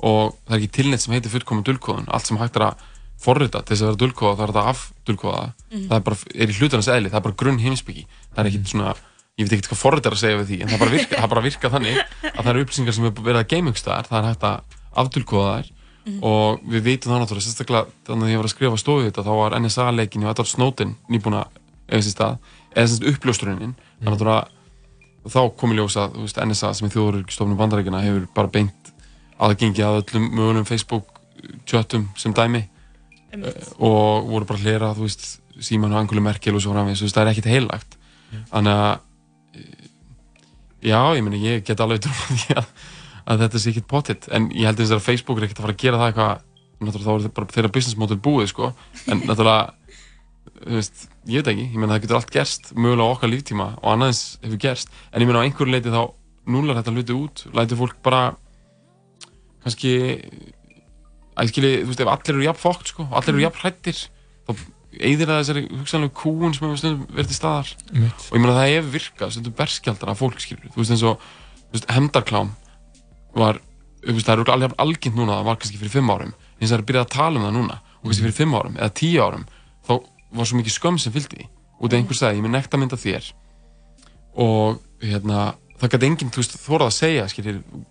og það að er til mynda mér, það var bara skömmislegt að segja þetta er mynd, á, á einhver mynda mér í einhverju hérna, viðkvæmri stöðu, einhverjum vulnerable Mhm. aðstæðum. En bara það þegar við tölum um það og þá, við föttum að það er ótrúlega margi kannski í þeirri stöðu þá náttúrulega minkar það kannski óttan þannig að ég held að svona líka, þú veist, ég held að innstinni sko sé einhver svona lúmskur ótti sem við höfum við það, það er allt, verið að skrá allt endalust, Mhm, hvert einasta músarklikk, þú veist, ef ég eins og er, þá ég vil eiginlega ekki hugsa, mér finnst það bara óþægild að hugsa um þetta. Og svona einhverja Netflix heimildamindir og eitthvað dót sem að fjallum eitthvað svona, þú veist, þetta er fullt af þeim. Bara, mér finnst bara, leð, ég bara vil ekki horfa á þar ég er bara þar, þetta er ég er líka bara, maður þarf að vera með eitthvað æðruleysið, þú veist, hvað maður að gera í því, sko. Mhm. en ég er ekki kannski beininins í þannig svona einhverju, einhverju svona hvað segir maður svona Þú ert ekki paranoiður í tölvunni búin að Nei, og ég er heldur ekki að reyna að installa þannig paranoí í fólk sko. Nei, nei, nei. Þegar að beða fólk kannski um að hugsa um þessi mál þá er það ekki alveg á þessum fórsendum Það er nú meira bara sko, ég sé náttúrulega líka fullt af hlutum sem eru ótrúlega merkilegir sem að mér finnst ekki tala nú mikið um jákvæðum hlutum Mhm. Mér finnst hérna ótrúlega merkilegt hvað fólk hefur tekið á sig mikla breytingar í sínum, í sínu daglega lífi tilbúið að endur sko alls konar hluti sem áður þótti alveg heilagur sannleikur uh, og það er tilbúið að gera þetta með svona frekar mikill þólumæði það er tilbúið að veist, taka við sko, eins og í mínu tilfelli sko um, ég vissi ekkit kannski, þú veist það er svo ótrúlega margt sem ég vissi ekki fyrir nokkrum árum uh, fyrir en að fólk fór að opna sig um það. Mhm. og hérna, það er náttúrulega frábært að fólk gerir það. Ég, hérna, ég, það er náttúrulega alveg Áttu við það að fólk já, kemur en, og- en það og sem segir ég finnst líka sögu? st- stundum benda á sko, við erum svo ótrúlega gjörn á að horfa á já, en svo eru alltaf sem er eitthvað að trillast yfir þessu. En langflestir eru mjög þólum á þeir og taka við þessum upplýsingum og meta kannski svolítið samfélagsitt upp á nýtt. Og mér finnst bara það sem hefur kannski gerst einna mest er það alls konar kúaður hópar í samfélaginu hafa fengið rödd sem þeir höfðu ekki áður nefnir gegnum einhverja fulltrúa sem átt alltaf að vinna fyrir það einhverja hagsmuna fulltrúa eða stjórnmálafólk eða eitthvað fleira. En nú hefur fólki röddina beint og jújú, jú, það er alltaf að amast í því eitthvað fólki í komandakjörunum, bla bla, eitthvað svona eins og þessi ótrúlega mikill pyrringur en yfir að heila þá held ég að aðhaldið sem hefur orðið til og bara svo meðvitund sem eru orðið til um alls konar fólk sem áður hafði enga rödd sé raunveruleg. Og ég held að fólk hafi sínt í skilning og þólum Einmitt. Ég er bara bara sjaldan bent á það sko. Uh, þú ert kannski ekki svona mikil teknikall í þér sko sem slíkur, ekki, þú ert ekki forritari og þetta ekki allt þetta, en þú ert svona meira kannski að fara einmitt á svona mm, já svona hugmyndafræðilega að, þessu og að skiknast í, í framtíðina Já, það er alveg rétt sko. Ég, hérna, samt, allt sem ég hef lært í varðandi tæknimál, þú veist, eins og, ég veit ekki hvort að, þú veist, eins og ég læriði bara basic forritun, sko, í grunnskóla. Af því það var bara eiginlega, þú veist, það er bara það langt síðan eða eitthvað, að þú læriði vélritun, þá varst það að læra á svona 286 tölvu, til dæmis. Já. Bara þess að láta eitthvað vera bólt, Já. þá þurftur að gefa HTML skipun fyrir það, að þú var ekki komið. Já, ég menn, það voru komið betri ritustufórið, en bara, það var smíðakennarinn okkar sem kendi okkur, hérna, vélritun Ok. og, hérna, og hann bara var þannig og þú veist, eh, skilur þetta var ekki eitthvað 80 eitthvað en það var 90 eitthvað en þú veist, það var mjög stutt síðan Mhm. að þú þurftir að forrita allt sko. þú þurftir að forrita, þú veist, það var ekki til þessi svona myndrani leið Mhm. og ég held að allt sem ég hef lært í því samt, situr rosa mikið í mér sko. Mhm. og mér finnst ótrúlega áhugavert hvernig hérna, hvernig, hvað þetta var allt ógislega mikið vesen, ógislega svona dark en samt ógislega lógist Mhm. og hvernig við erum bara að vinna okkur út frá því Einmitt. og og endanum er þetta alltaf sumi prinsipin þú opnar Facebook, það er bara búið að skilir það ákveðið hólf, þetta er allt saman á grundvelli eitthvað svona basic forritunarskipuna og við þurfum að átt okkur á því veist, að þetta er ótrúlega skilirðandi fyrir mannlega hefðun, það er ekki hægt að gera hvað sem er á samfélagsmiðlum. Mhm. Man, þú veist, fyrst þegar ég sá Twitter þá hugsaði ég, vá, það er bara allt hægt. Það er allt opið og jú, 140 stafbil, það er 280 núna. En ég hugsaði, veist, þá skrifar bara nóg mörg tweet, skilur, er bara þetta er bara ótrúlega opið og einhvern veginn, þetta er bara þarna bara, þarna byrja og enda öll samskipti heimsins. Og enda hefur Twitter verið líka svona mjög mikið notað af sko svona uh, skoðana myndandi elitu, skilur, stjórnmálafólki og fjölmjölafólki og svoleiðis, en allt er komið það Twitter er samt alveg brjálast að takmarkandi líka. Og maður svona, það tekið mér miklu lengri tíma að fatta það. Það er rosalega, það er rosalega takmarkandi uh, vanandi viðbröðin Mhm. uh, og, og sko sem sagt þegar að það, þetta verður meira heldur en eitthvað, einhver einn að segja eitthvað þú veist, um leður þetta er orðið einhver svona umræðu uh, fyrir utan það að það er náttúrulega bara algoritmar á bakvið það hvað raðast og verður vinsalt, það er bara komið svona clickbait dæmi inn í Twitter því að bætti þið fyrir einhverjum árum, þetta er ekki bara á grundildi, þú sér ekki bara hluti sem þú vilt sjá Nei. það er svona það sem þú vilt followa heldur Já, er verið að Insta- út hvað þú Instagram vilt- líka. Já, Instagram er algjör orðið þannig og þetta explore hluti svona þessi svona sem er verið að dreifa fyrir því eitthvað sem þér á líka er lungu búið að segra alla þessar stóru samfélagsmiðla af því það ykkur á trafíkina og svona og að vera að nota öll þessi helstu tricks á Twitter líka með svona lát, þú veist, í rauninni vera að höfða bara til fólks að svona, viltu ekki vita hvað er verið að pískra um þig einhverstaðar, pst, eitthvað, tjekka á það skilur, Mhm. subscribe á eitthvað dót þetta er náttúrulega bara business tool fyrir langflesta en fyrir nokkrum árum, þú veist, þá hugsaði ég bara, wow, þetta er bara takmarka laust en svo einhvern veginn, núna þegar maður sér einhvern veginn, þetta er allt bara einhver forritun Mhm. og jú, jú, auðvitað er þetta komplex forritun, auðvitað er bara þúsundir manna að vinna þessari forritun og rosalega s- sko, fáað dæmi þannig séð og verður ekki betra og, og, og, en í grunninn er þetta samt bara tól það sem að er búið að þú veist, útkoma getur aldrei orðið meira heldur en það sem er búið að skilir það mann fyrir. Ekki, þegar hlutinu fá að þróast þá verða þeir takmarkandi. Þetta er náttúrulega, já, ég meina það verið styrra, sko, en það sem að er, ég hef kannski ekki rannsakað þetta rosa mikið, en svona kannski meira í nýju bókinu heldur en hinni, er, þetta er náttúrulega að byrja að hafa ótrúlega mikil áhrif á líðræði þetta er byrjað að hafa mjög vond áhrif á líðræði í vestarnum samfélögum. Og Twitter verðist ekkert vera skára en Facebook á því liti og það er náttúrulega bara út af þessu. Veist, það er út af því að fólk fær ekki skoðanir sem að því líkar ekki við að heyra. Nei. og það er bara rugglað mér, ég, ég stundum hugsaði á okkar litla Íslandi hvað þetta er rugglað hvernig maður getur farað á Twitter og maður getur séð kannski bara 1500 manns sammælast um einhver ákveðna skoðun og ekki taka í mál að sé einhver önnur skoðun nema bara algjörlega skrimslavæða það dæmi. Mhm. segja bara þú veist að fólki sem er fyrir utan þá bublu sé bara rugglað og bara útilokkar oft fyrirfram að það verði einhver Mhm. skoðanaskipti. Segi bara það sem að hitt fólki mun segja er þetta þá mun ég bara svona byrjar að gera svona frequently asked questions and answers sem er ótrúlega svona dæmikert úr svona IT heiminum sko.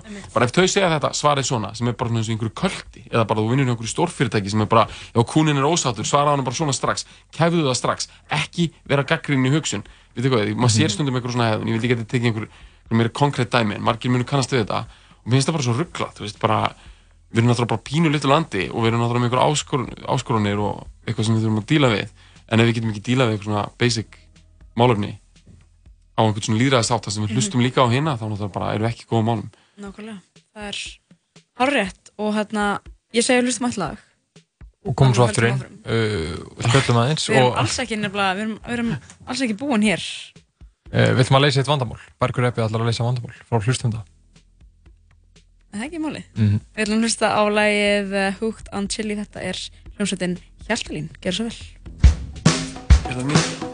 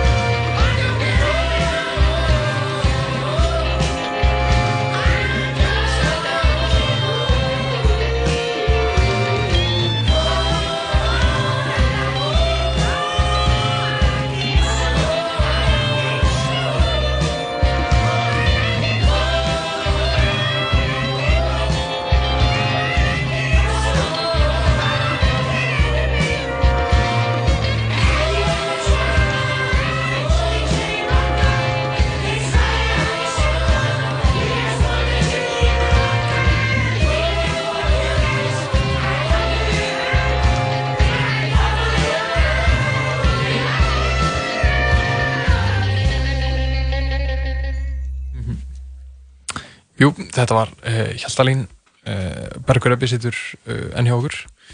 Bergur, þetta er svona hljómsveit sem er kannski fyllt þér svolítið gegnum tíðina og voru saman í MH og svipiðum tíma og, mm -hmm. og springjuhöllin springur út á, á svipiðum tíma. Já, gaman að heyra þetta, þetta var gammalt og gott. Ég þetta þekkt ekki lagi fyrir viðlagi kom. Ég held að þetta sé þetta sé sko platan nummer 2 með Hjaltalín. Ég held að þessi platta sé 10 ára, cirka þessu ári en uh, í kvöld er frumsýning á skjáskott síningunni þinni í borgarleikursinu sem er upp bó, samlendi bók. Hvernig er að færa og hvernig færiru uh, bók yfir á í svona, svona fyrirlistra form? Í mínu tilfelli, já, í mínu tilfelli gerast það bara á frekar svona organíst og þægilega af því að ég er bæði búinn að flytja mjög mikið fyrirlestra með svona sömu umfjöndunarefnum og bókin áður en að hún kom út. Mhm. Og svo eftir að bókin kom út er ég mjög mikið bara búinn að vera í þannig svona upplesturum og kynnana og viðtölum og kemur með svona talpunta og þegar að það kom að því að setja síðan loksins saman en að fyrirlestur og svona þá þurfti ég bara miklu frekar að skera niður sko, maður getur ekki gert allt Mhm. og maður er að finna einhver eina línu Er þetta svona TED Talk bara? Já, Og ert með, þú veist, alltaf svona vist alltaf hvernig að vera að skipta um glæru fyrir aftæði og bomb, kemur einhver sprengjur á það bara. Nei, sko Ég veit ekki, ég er sko til dæmis ekki með glærur sko. Ok. um, Og einhvern veginn bara Ég veit ekki, ég hef kannski einhver blanda af einhver svona súrum yngvar e. innleik og einhver góð tettak Já, kannski er það einhvers það þar. En sko, nú ertu, úrst, þekktu fyrir uppistand og hvernig er svona, þú ert að koma fram, þú ert ekki beint að koma með einhvern veginn svona, þú ert ekki, þú ert ekki að bera eitthvað svona grín fram, uh, eða hvað? Nei, nei, en ég ég pæli ekkert mjög mikið í því sko. Ég hérna Þú finnur ekki einhvern svona skýra mör, þú ert ekkert svona eitthvað, okkur er fólki ekki að ert Nei, ég er, hef verið bókaður, þú veist, maður náttúrulega bara verður að segja já við öllu hérna á Íslandi og svona, þú veist, ég meina, ég er bara, hef verið bókaður sama daginn, skilur, kannski með, þú veist, fyrirlestur í hátteginu og kannski, an, kannski tvo fyrirlestra og uppistand síðan, skilur, og á millið þess að maður er eitthvað að skutla krökkunum í frístundir og eitthvað, þú veist, maður verður bara, ég einhvern veginn pæli ekkit rosalega mikið í því, en þetta er augljóslega bara, ef það er uppstand, þá er það bara annað efni, skilur, þú veist, aðri brandarar og, jú, eitthvað svona aðeins annað teik hvernig maður kemur inn og fólk er öðrum svona yfirleitt aðeins orku meira, hraðara. Mhm. en þetta leikur alveg á milli, ekki spurning. En hins vegar, þú veist, ef fólk er að bóka mig sem uppistand í eitthvað jólalhlaðborð eða eitthvað, skilur, þú veist, þá þú veit ekki að fara að koma eitthvað hefði pælingar það inn, sko.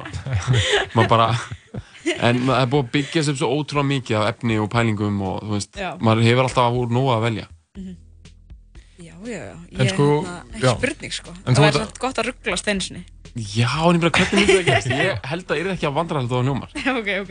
að maður segja eitthvað fyndið, þú veist, eins og í þessum fyrirlestri í kvöld ég held þessi bara alltaf læg, ég ætla að reyna maður bara getur ekki alveg búist í því að þetta verða eitthvað romping uppstand allan tíman, ég meina það er ekki það er bara svolítið ósengjart að krefast þess af fólki að kemur borgarleikus eða einhvern fyrirlestur að, þú veist, ef ég myndi mæta bara er ekki allir í stöði, bara, eða, þú veist, að þú ert að krefa oft, þú veist, áhörundur um svo miklu orku í uppstandi, þú ert svo mikið að reyna að fá feedback frá þeim stanslust allan tíman Einmitt. og það er í rauninni, uppstand er svolítið mikið frekja, sko.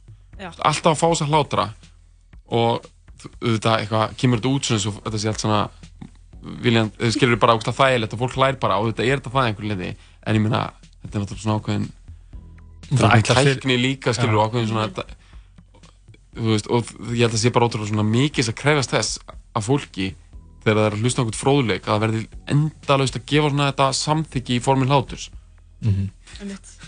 Eftir, Það sem að hlæja ekki hérna. eftir, eftir, eftir tvo og halvan tíma þá hérna, myndu standa á sviðinu kl. 8 í kvöld að flytja fyrirlasturinn fyrsta skipti fyrir fullur sala fólki. Hvernig ertu svona stemdur?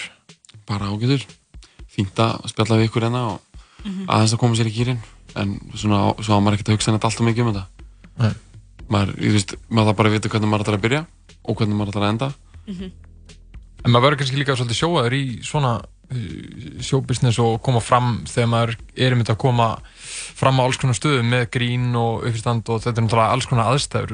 Svona fólk, uh, já uppistandar eru kannski ekki endilega alltaf að flytja uppistand fyrir fullum sal með góðu hljóðkerfi og með mæk og allt þetta, þetta stundum bara inn á jafnvel inn á veitingastað þar sem fleiri eru og þú ert að tala við úst, áttamann á borð og engin mikrofón og á verstu dögum, já, ég reyna að forðast það sko, að því svona litli hlutir skipta svo miklu máli sko. Mhm. eins og þú veist, ef einhver er að reyna fyrir sér uppstandi núna, það er bara, þetta er bara svona basic pro tip, skilur, svona eins og ef það er ekki almenni lýsing á þér, ef þú ert svona sem í einhverju, þú veist, eins og er bara einhver svona lél, bara fullt af veistsölum, Mhm. ekkert almennilegt svið og þú átt að vinna einhverju hotni, reyndu, reyndu bara að fá einhver þjónu eða eitthvað, bara þess að snúa allavega einhverju lampa, þannig að, þú veist, Mhm. það sé aðeins meiri lýsing á þér heldur en hinum. Af því að ef það er engin lýsing og þú sést ekki, þá er bara miklu minna hlustað. Þú veist, það er bara, hefur rosalega mikil áhrif. Mhm. Lélegt hljóðkerfi getur verið svipað en hins vegar getur maður að bjarga sér oft með það sko, eins og litlum sölum og þarf ekki alltaf mikrofón það er nú ofta alls konar, hægt að gera alls konar hluti. En auðvitað, þú veist, er þetta rétt ég meina, þú veist, maður er bara öllu vanur og að vera í leikhúsi eins og í kvöld, það sem allt er bara svona top notch og fólk er bara komið til að hlusta á eitthvað Það er bara að ljósa maður á þér það er bara algjör Einmitt. Er það spenntur? já, ég er mjög spenntur, búin að vera bara mjög spenntur fyrir þessu, alveg marga vikur Það er gott að heyra. En ég segi, dæmpum okkur í eitt annan lag og þú verð að leysa vandamál hlustenda. Það er lagi. Eitt stutt og lag gott þetta er, já, félagarnir Byrnir Lilbinni hér á laginu Pretty Boy Swag.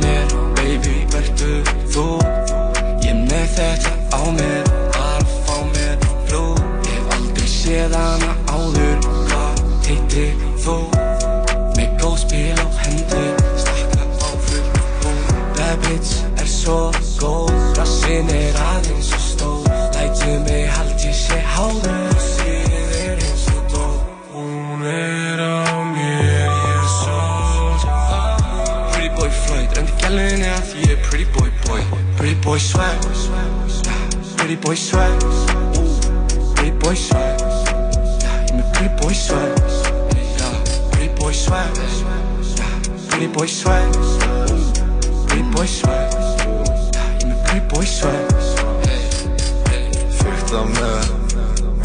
Út og shit Ætla að gera hana svo sjúk í mig. Í ský Fljúandi Það má engin stelpa hérna særa mig. Svörtu hundallir Geltandi Viti guðs please ekki elda mig. Shout out to my surgeon. Keep me fresh BBS Money in the bank. Pretty boy swag Pretty boy swag Pretty boy swag er með pretty boy swag Pretty boy swag Pretty boy swag Pretty boy swag er með pretty boy swag Ég stapla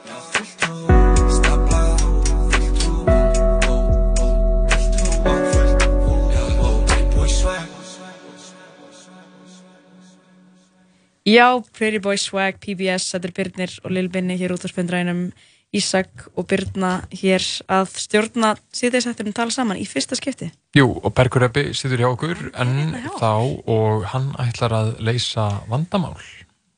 Já, ertu hérna mikið að leysa vandamál fyrir vinniðina? Nei. Nei, þú leitar ekki mikið til þín. Nei.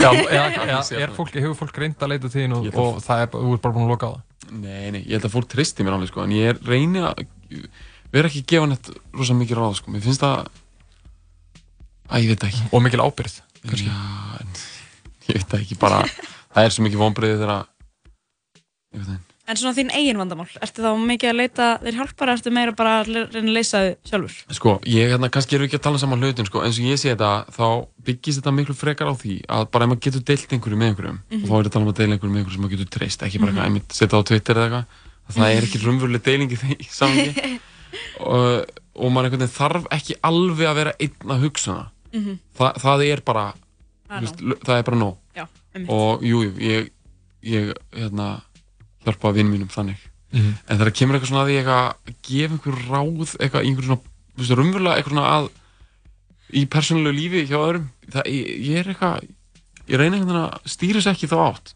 Ok, við skulum sjá hvernig þetta fer núna að því að ég vandamáli sem að við erum með þengist persónulega lífinu hjá einhverjum aðla en þetta er svo sem, þú veist, við veitum ekkert hver það er.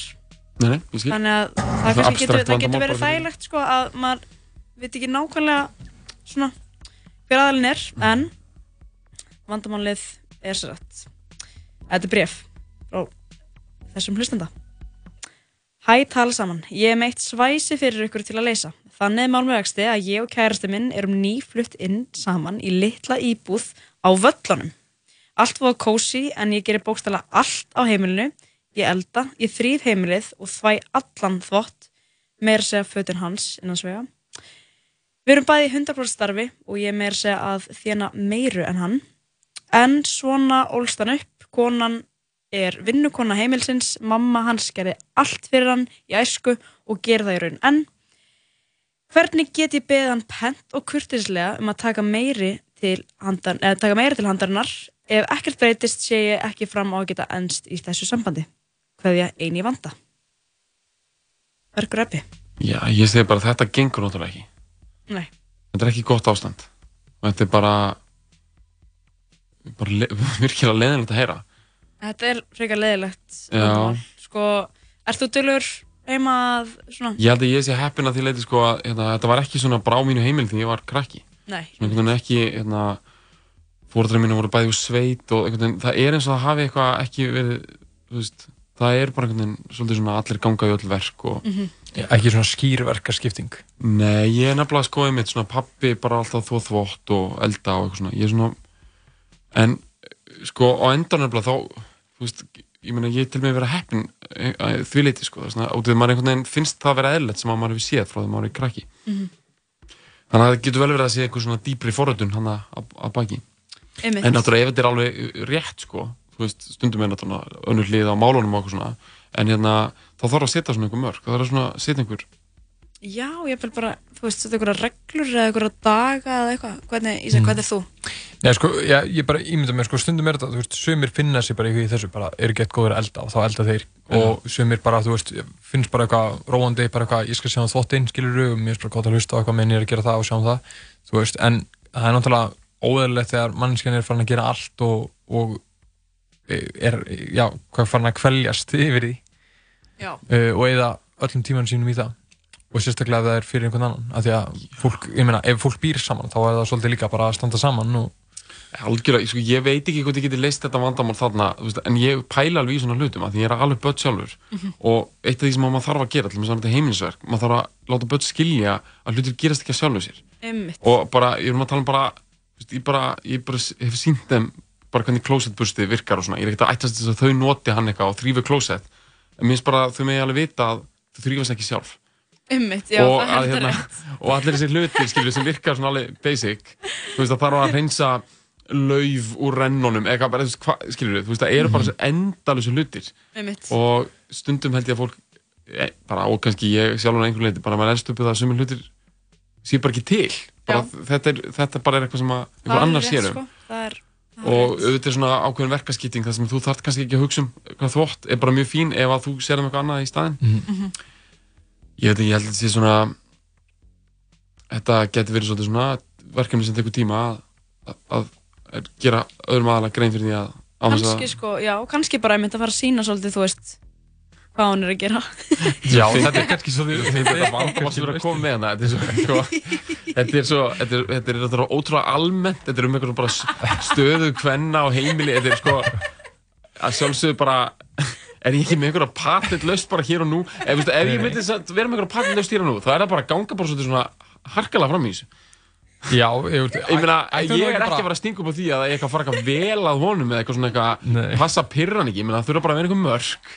Og ef þetta bara drepur sambandið og- þá er það bara þannig. Þá er það bara þess, virði eða bara hún bara hættir að uh, taka hans föt og þrýfa hans kaffibotla og, hérna, og morgunskálar og fleira. Sko morgunskálar, þú nefndi það. safnast þetta upp. Ég var eins og að vinna á vinnustaf þegar ég var nemi en þá. Mhm. og það sem var svona eldri kallar að vinna. Og þeir fengu sér ógst oft hérna, bara svona seriós á daginn.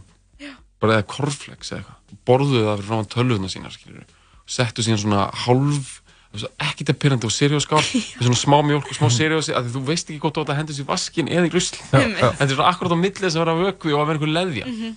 og settu það eitthvað svona svona staffa eldhús sem einhver, þú veist, reytari pikkaði upp. Og þetta er nú kannski eitthvað svona ég þarf kannski að fara til sálfræðings eða eitthvað. En ég sko, ég, ég fyrirleita það. Mér, mér finnst þetta svo ógeðslega fucking pathetic bara, að vera eitthvað fullorinn maður í jakkafutum að borða eitthvað seriós um miðjan dag Einmitt. En sko, ok, þa- þarna þarf ég að fara til sálfræðingar. bara það er ekki morgun, ég var bara pyrrað á því. og að það var síðan einhverja eftir. konu þrýfaðu. En það var eitthvað hérna, veist. En sko, svo getur vel verið að, já, það er svona litli hlutur sem geta að fara í töðunar á fólki. Einmitt. En ég að er það vonlaus sko að byrja því, ég bara, ég held, ég er með eina laust fyrir hana sko, sem gæti virkað, það er að maður byrjar ofta að taka eftir svona hlutum þegar mamma, pappi, mann, eða fóldrar manns fór alltaf inn til útlanda. Og var alltaf neitt heima. Þá fattar maður, já, ég þarf bæði að setja í mér og ég þarf að taka úr henni, skilur líka. og fara með dagblöðin út Já. í rusl og og þú veist, ég var ekki einu svona að opna það, skilur, maður bara eitthvað svona allavega, þá tekur maður svolítið mikið eftir þessu að hlutinir gerast ekki bara um, og hlutir bara hverfi ekki bara. Að kannski ættum bara aðeins að bara fara í frí, já, bara leifa honum að vera bara aðeins einn. Einmitt, já. Já, þetta getur, getur svolítið gott. Og koma svo tilbaka og segja, jæja þú gerðir ekkert eða þetta gerður þú, nú byrjar að þrýfa Já, hún geti jafnvel verið að sko hrekkjan, hún geti með þess að vera að rekja með hana hún er í frí og láta eitthvað, fara með laufblöð og svo setja í. Já, Það hljóma svona eins og eitthvað sem maður myndi gera þetta alveg hund. þetta er eitthvað svona, eitthvað er þar. svona, já, já, nú erum við búin að vera ein heima í fjóra klukkutíma Já, eitthvað. En já, ég, þetta er bara, einmitt, það má prófa það. að að maður prófa, það er alltaf svona ein laust en einmitt, við erum bara svona uh, mottoð okkar er sko að við erum ekki að reyna að leysa vandamál, við ætlum bara að leysa vandamál Ok, bara þá segja við gerum þetta. já, fara bara Já. og kannski koma aftur Nei, sko kannski svona prófa eitt pröfu í staðan af því að þú veist Já. ekki svona let's take a break svona eins og Nei, nei, nei, nei, heldur hún bara fyrir svona, frí. Ég bara, ég er að fara út af vinnunni í einhver- einhverju Mhm. ráðstöfnu og verða alveg fimm daga og passa bara engin að mamma hans að það get ekki hjálpa honum Eða bara góða vingur ferð Já, já, fyrir ykkur uh, og hérna Instagram ferð kannski einn góð Instagram ferð lesa skjáskott Já. góðu frí uh, Ætlum við að taka annað vandamál eða ég held að Já. þetta sé bara, bara List. flott. Þetta er bara vandamál dagsins bara og, vandamál og það er leist og það er list. Uh, Bergur Ebbi uh, maður bjóður að velja, velja lag? Þú ert nú með fílalag og, og tekur uh, eitt lag í hvernig þetta Já. og þið greinið Já. stemmingu og fílun. Aha. uh, ertu með eitthvað sem við getum fílað bara og farið bara beint í?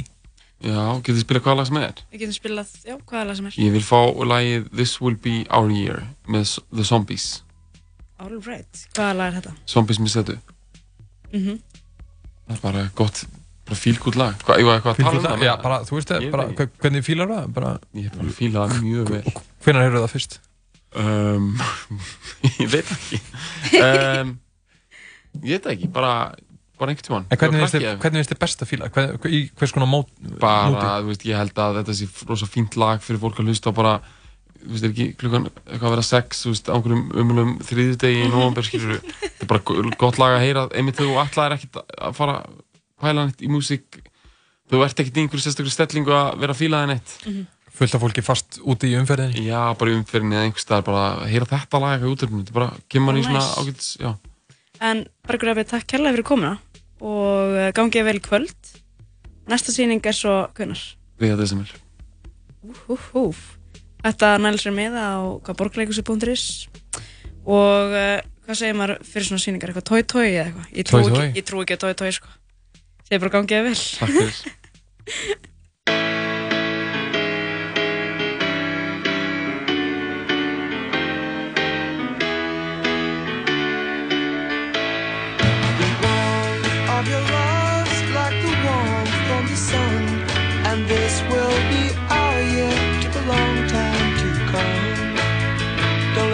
my hand now the darkness has gone this will be our year took a long time to come and i won't forget the way you held me up when i was down and i won't forget the way you said Darling, I love you. You gave me faith to go on. Now we're there, and we've only just begun. This will be our year. Took a long time to come.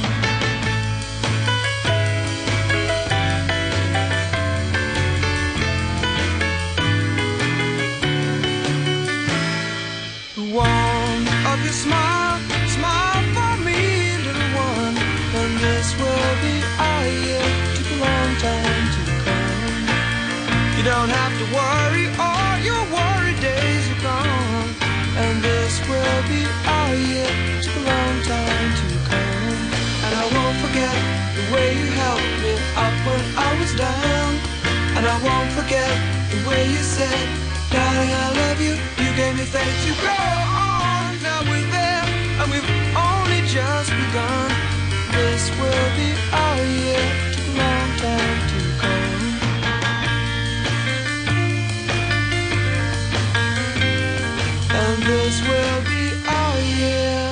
Took a long time to.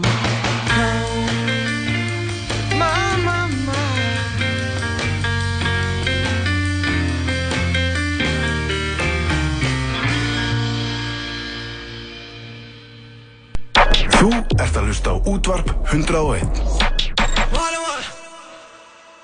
Ég heyrði lævirkjan heilsa nýjum degi en ekki nætur galan syngja. Sjáðu á...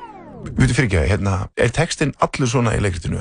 Eh, Nei, nei, þetta er nú ósköp bennulegt leikrit, sko, en þetta, þetta kemur svona á milli. Ah, ég skil. Shakespeare verður ástfangin. Sýnt í þjóðleikhúsinu. Miðasala er í fullum gangi á leikhúsið.is. Útvarp 101 Frí áfylling á kókið. American style. Velkomin í sambandið. Símafélag framtíðarinnar. Já, við erum komin aftur Ísak og Birna Marja með þér hérna í þessu hvað, fína skamti, nei sýti Jú, það er ágætt, við erum alltaf fyrst inn að lokuð inn í stúdíu, ég veit ekki, þú veist, alltaf, ég sé ekki komið myrkur úti og, Ég skal bara veðja að setja bara peninga á það sem myrkur úti sko. myrkur úti og, og kannski ég svona, það er svona smá slitta á Einmitt. þú veist, það eru, gödunar eru blöytar, það er búið að vera á miklu vindur í dag, það var það miklu vindur í dag og kallt að þegar ég fór í sund í hátteginu, Mhm. þá fór ég í kallabóðin og stóði svo aftur upp og ég fann eiginlega mun á því að vera í kallabóðinum og svo úti, það var svona svona maður var svona vel veðraður og, og í góður stemmingu sko. en mér varst það bara gaman sko. ég hef gaman að þessu veðri þetta er í fyrsta skipti núna, bara síðan ég var barn þar sem það kemur svona smá snjór og ég var bara svona, já, veistu, ég er bara ég fýl þetta, sko, að ég er ekki mikill snjómaður sko. ég er yfirleitt bara leggst á móti snjónum sko. Sko það er, mér finnst, ég er mynd svona, ég get alveg samanlega sko að gaman sér snjóin um helgina að koma helgina eitthvað, þá kom eitthvað svona fallegu morgun þar, þar sem að maður einhvern veginn bara það, þegar bytti til þá var bara svona fallegt, þú veist það var svona hvítt úti, það var bjart Mhm. og verikar það var ekki kvast en svo kemur þetta viður sem við erum búin að vera með núna hvað í dag og í gær sem er svona rók, það er rigning það er ógeðslega sleift af því það er rigning og það var þú veist þarna klakindi því þannig að þá þarf maður líka að vera að passa sig svolítið sko. þetta er hættilegt viður, það er hættilega þrjöðu dagur í dag bara. en Ísak, þetta er búið að vera smekkfullu þáttir í okkur við erum búin að fara um Víðanvöll Já, við erum, við erum svolítið, við erum samt, það sem er búið enginn að þennan þátt svolítið er sko svolítið svona samfélagsmiðlar og í bland við það sem Bergur Eppi var að tala um svona einhvern veginn gerfigreind og Já, uh, það rétt. þú veist, það er svona, var smá þema, þema dagsins sko. Þema dagsins. Uh, en það er Bergur Eppi að fara frum sína uh, sína síningu í kvöld skjáskott, þannig að eiginlega þá bara dagurinn eiginlega tilengaður honum. Já, það er bara svolítið Er það. En það er enda rétt, þetta er svona laumu þema, þema dagsins En við náttúrulega, svo komumst að því hver, hérna, hvert lægi var sem að, að við vorum að leitað Jú, Sko, oft er útarpsfólk með svona gátu fyrir hlustendur. Svona hvaða lag er þetta? Eða svona kemur eitthvað vísbendingar. Mhm. Ég held að hann sé með þetta á, þú veist, rást tvö á, á lögadags eftir morgunkaffi eða Það kemur eitthvað svona, allavega, þú veist, að fólk er, maður fær eitthvað svona vísbendingar að hálftíma fresti eða eitthvað. Nema núna þá vorum við bara að bara, við vissum eins og ekki svarið. Við vorum bara að koma með eitthvað vísbendingu og vorum að vonast til að þegar svarið koma það væri rétt og það var rétt, við vorum að leita að læginu Solskin Mhm. og hlustum að það þar sem að Gabriel er og Opie og, og hérna og Unstead Manuel. En uh, já, við tölum um Instagram og bossamyndir Já, bossamyndir, sko, ég veit ekki alveg okkur ég kalla þetta alltaf bossamyndir ég, Nei, ég, Mér finnst þess að þú hafi nefnt það fyrra bræði ég og held sko, þú veist, það getur alveg verið það er ímislegt sem ég segja en, en uh, ef við ekki bara kalla þetta rassamyndir jú, ég er smá, ég er smá svona, til í að kalla það bossamyndir mér finnst það einhvern veginn svona, svona smá krútlegt og mér finnst það ekki einhvern veginn mér finnst engin svona mér finnst engin tónn í því af því að sko maður bara, þetta er náttúrulega bara svona stemming sko Það er bara stemming. Það er náttúrulega, að verðist vera að eina, eina sem fólk dyrki í dag eru, eru bossamyndir sko. Já, já, það uh, Ísak Henriksson segir þetta hér í saman Já, Árið er 2019 Ef þú ætlar að ná til fólks, ef þú ert stjórnmálumæður eða, eða ætlar að bjóða þig fram í einhverjum samtökum eða eitthvað, notaðu bossamyndir og þú munt fá uh, fólki með þér. Það er svona mitt, svona mitt take á þetta mál. En- uh, en, um, En við erum bara hérna að ræða hérna, við erum bara að ræða hérna tíman okkar og þar að leiðandi ætlum við að hlusta á lægi tíman okkar Ah. og ég ætla líka að tengja það yfir í Bergæpa uh, þetta er lag með hljónstinni Sprengjuhöllin sem var uh, mjög vinsæl Mhm. 2007-2008 svo kom hrun og 2009 og þá hurfu þær vinsældir. Uh, nei nei. Ja, þær gerðu það samt. Hér var hrun. Hér var hrun og Sprengjuhöllin fór með góðærinu niður og en hefur nú upp aftur sinn tón hér á útvarpi 101. Það er rétt, Ísak, við verðum með saman tíma aftur á morgun. Takk kærlega fyrir samveruna. Sumulegis. og takk kærlega fyrir samveruna, kæri hlustandi. Við ætlum að ljúka sem þætti á læginu tímanur okkar. Þetta er Sprengjuhöllin, gjör svo vel. Afsakið, ert þú að passa þessa stóla? E ertu ekki vinkona hans Óla? Hann var að klára kennó síðasta vor Óli eða Svenni, ég man ekki hvor Var í þessu partíi áðan. Ég veit um stelpu sem að dáðan. Ég þarf að segja við þig nokkur orð. Komdu og sestu með mér hérna við þetta borð. Ertu ekki mega gott í gangi Mér finnst svona eins og pínu Mér langi til að þekka þig aðeins betur. Hvað varstu að læra í vetur? En ég get allavega sagt þér ég var að vinna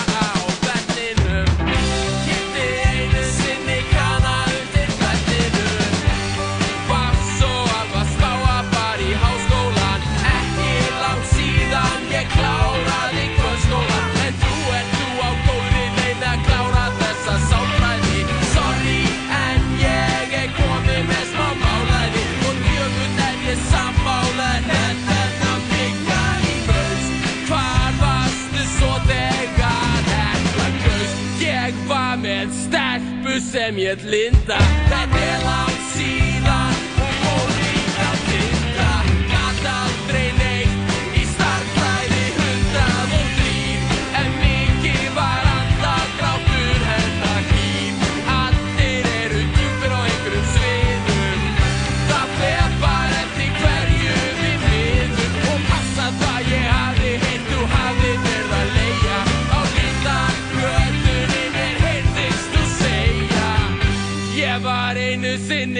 sinni næstum komin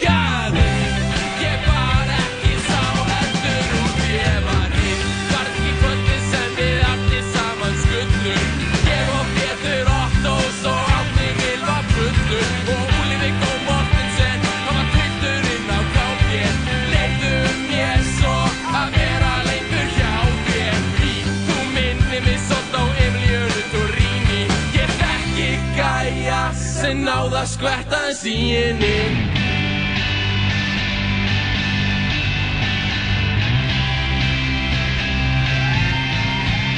Og þú veistur að ég þekki þig frá þúsund miljón leiðum. Við erum komin Af fólki sem bjóð á heiðum svona eins og 58 ár kynnslóðir Sigurðu banni fápnis 21 var mismunandi tegundir efnis. Þú veist að það er laungu, laungu, laungu búð að greina allt. En það eitthvað skrítir þó að mér finnist að Sjáðu svo til þess að ég fá að koma að snæðir Við erum hvort sem er einn og sami hluturinn. Þeir ger ekki það meint og þú ert meira en fyrir fram að mig. Og það verður svo gott. Að hafa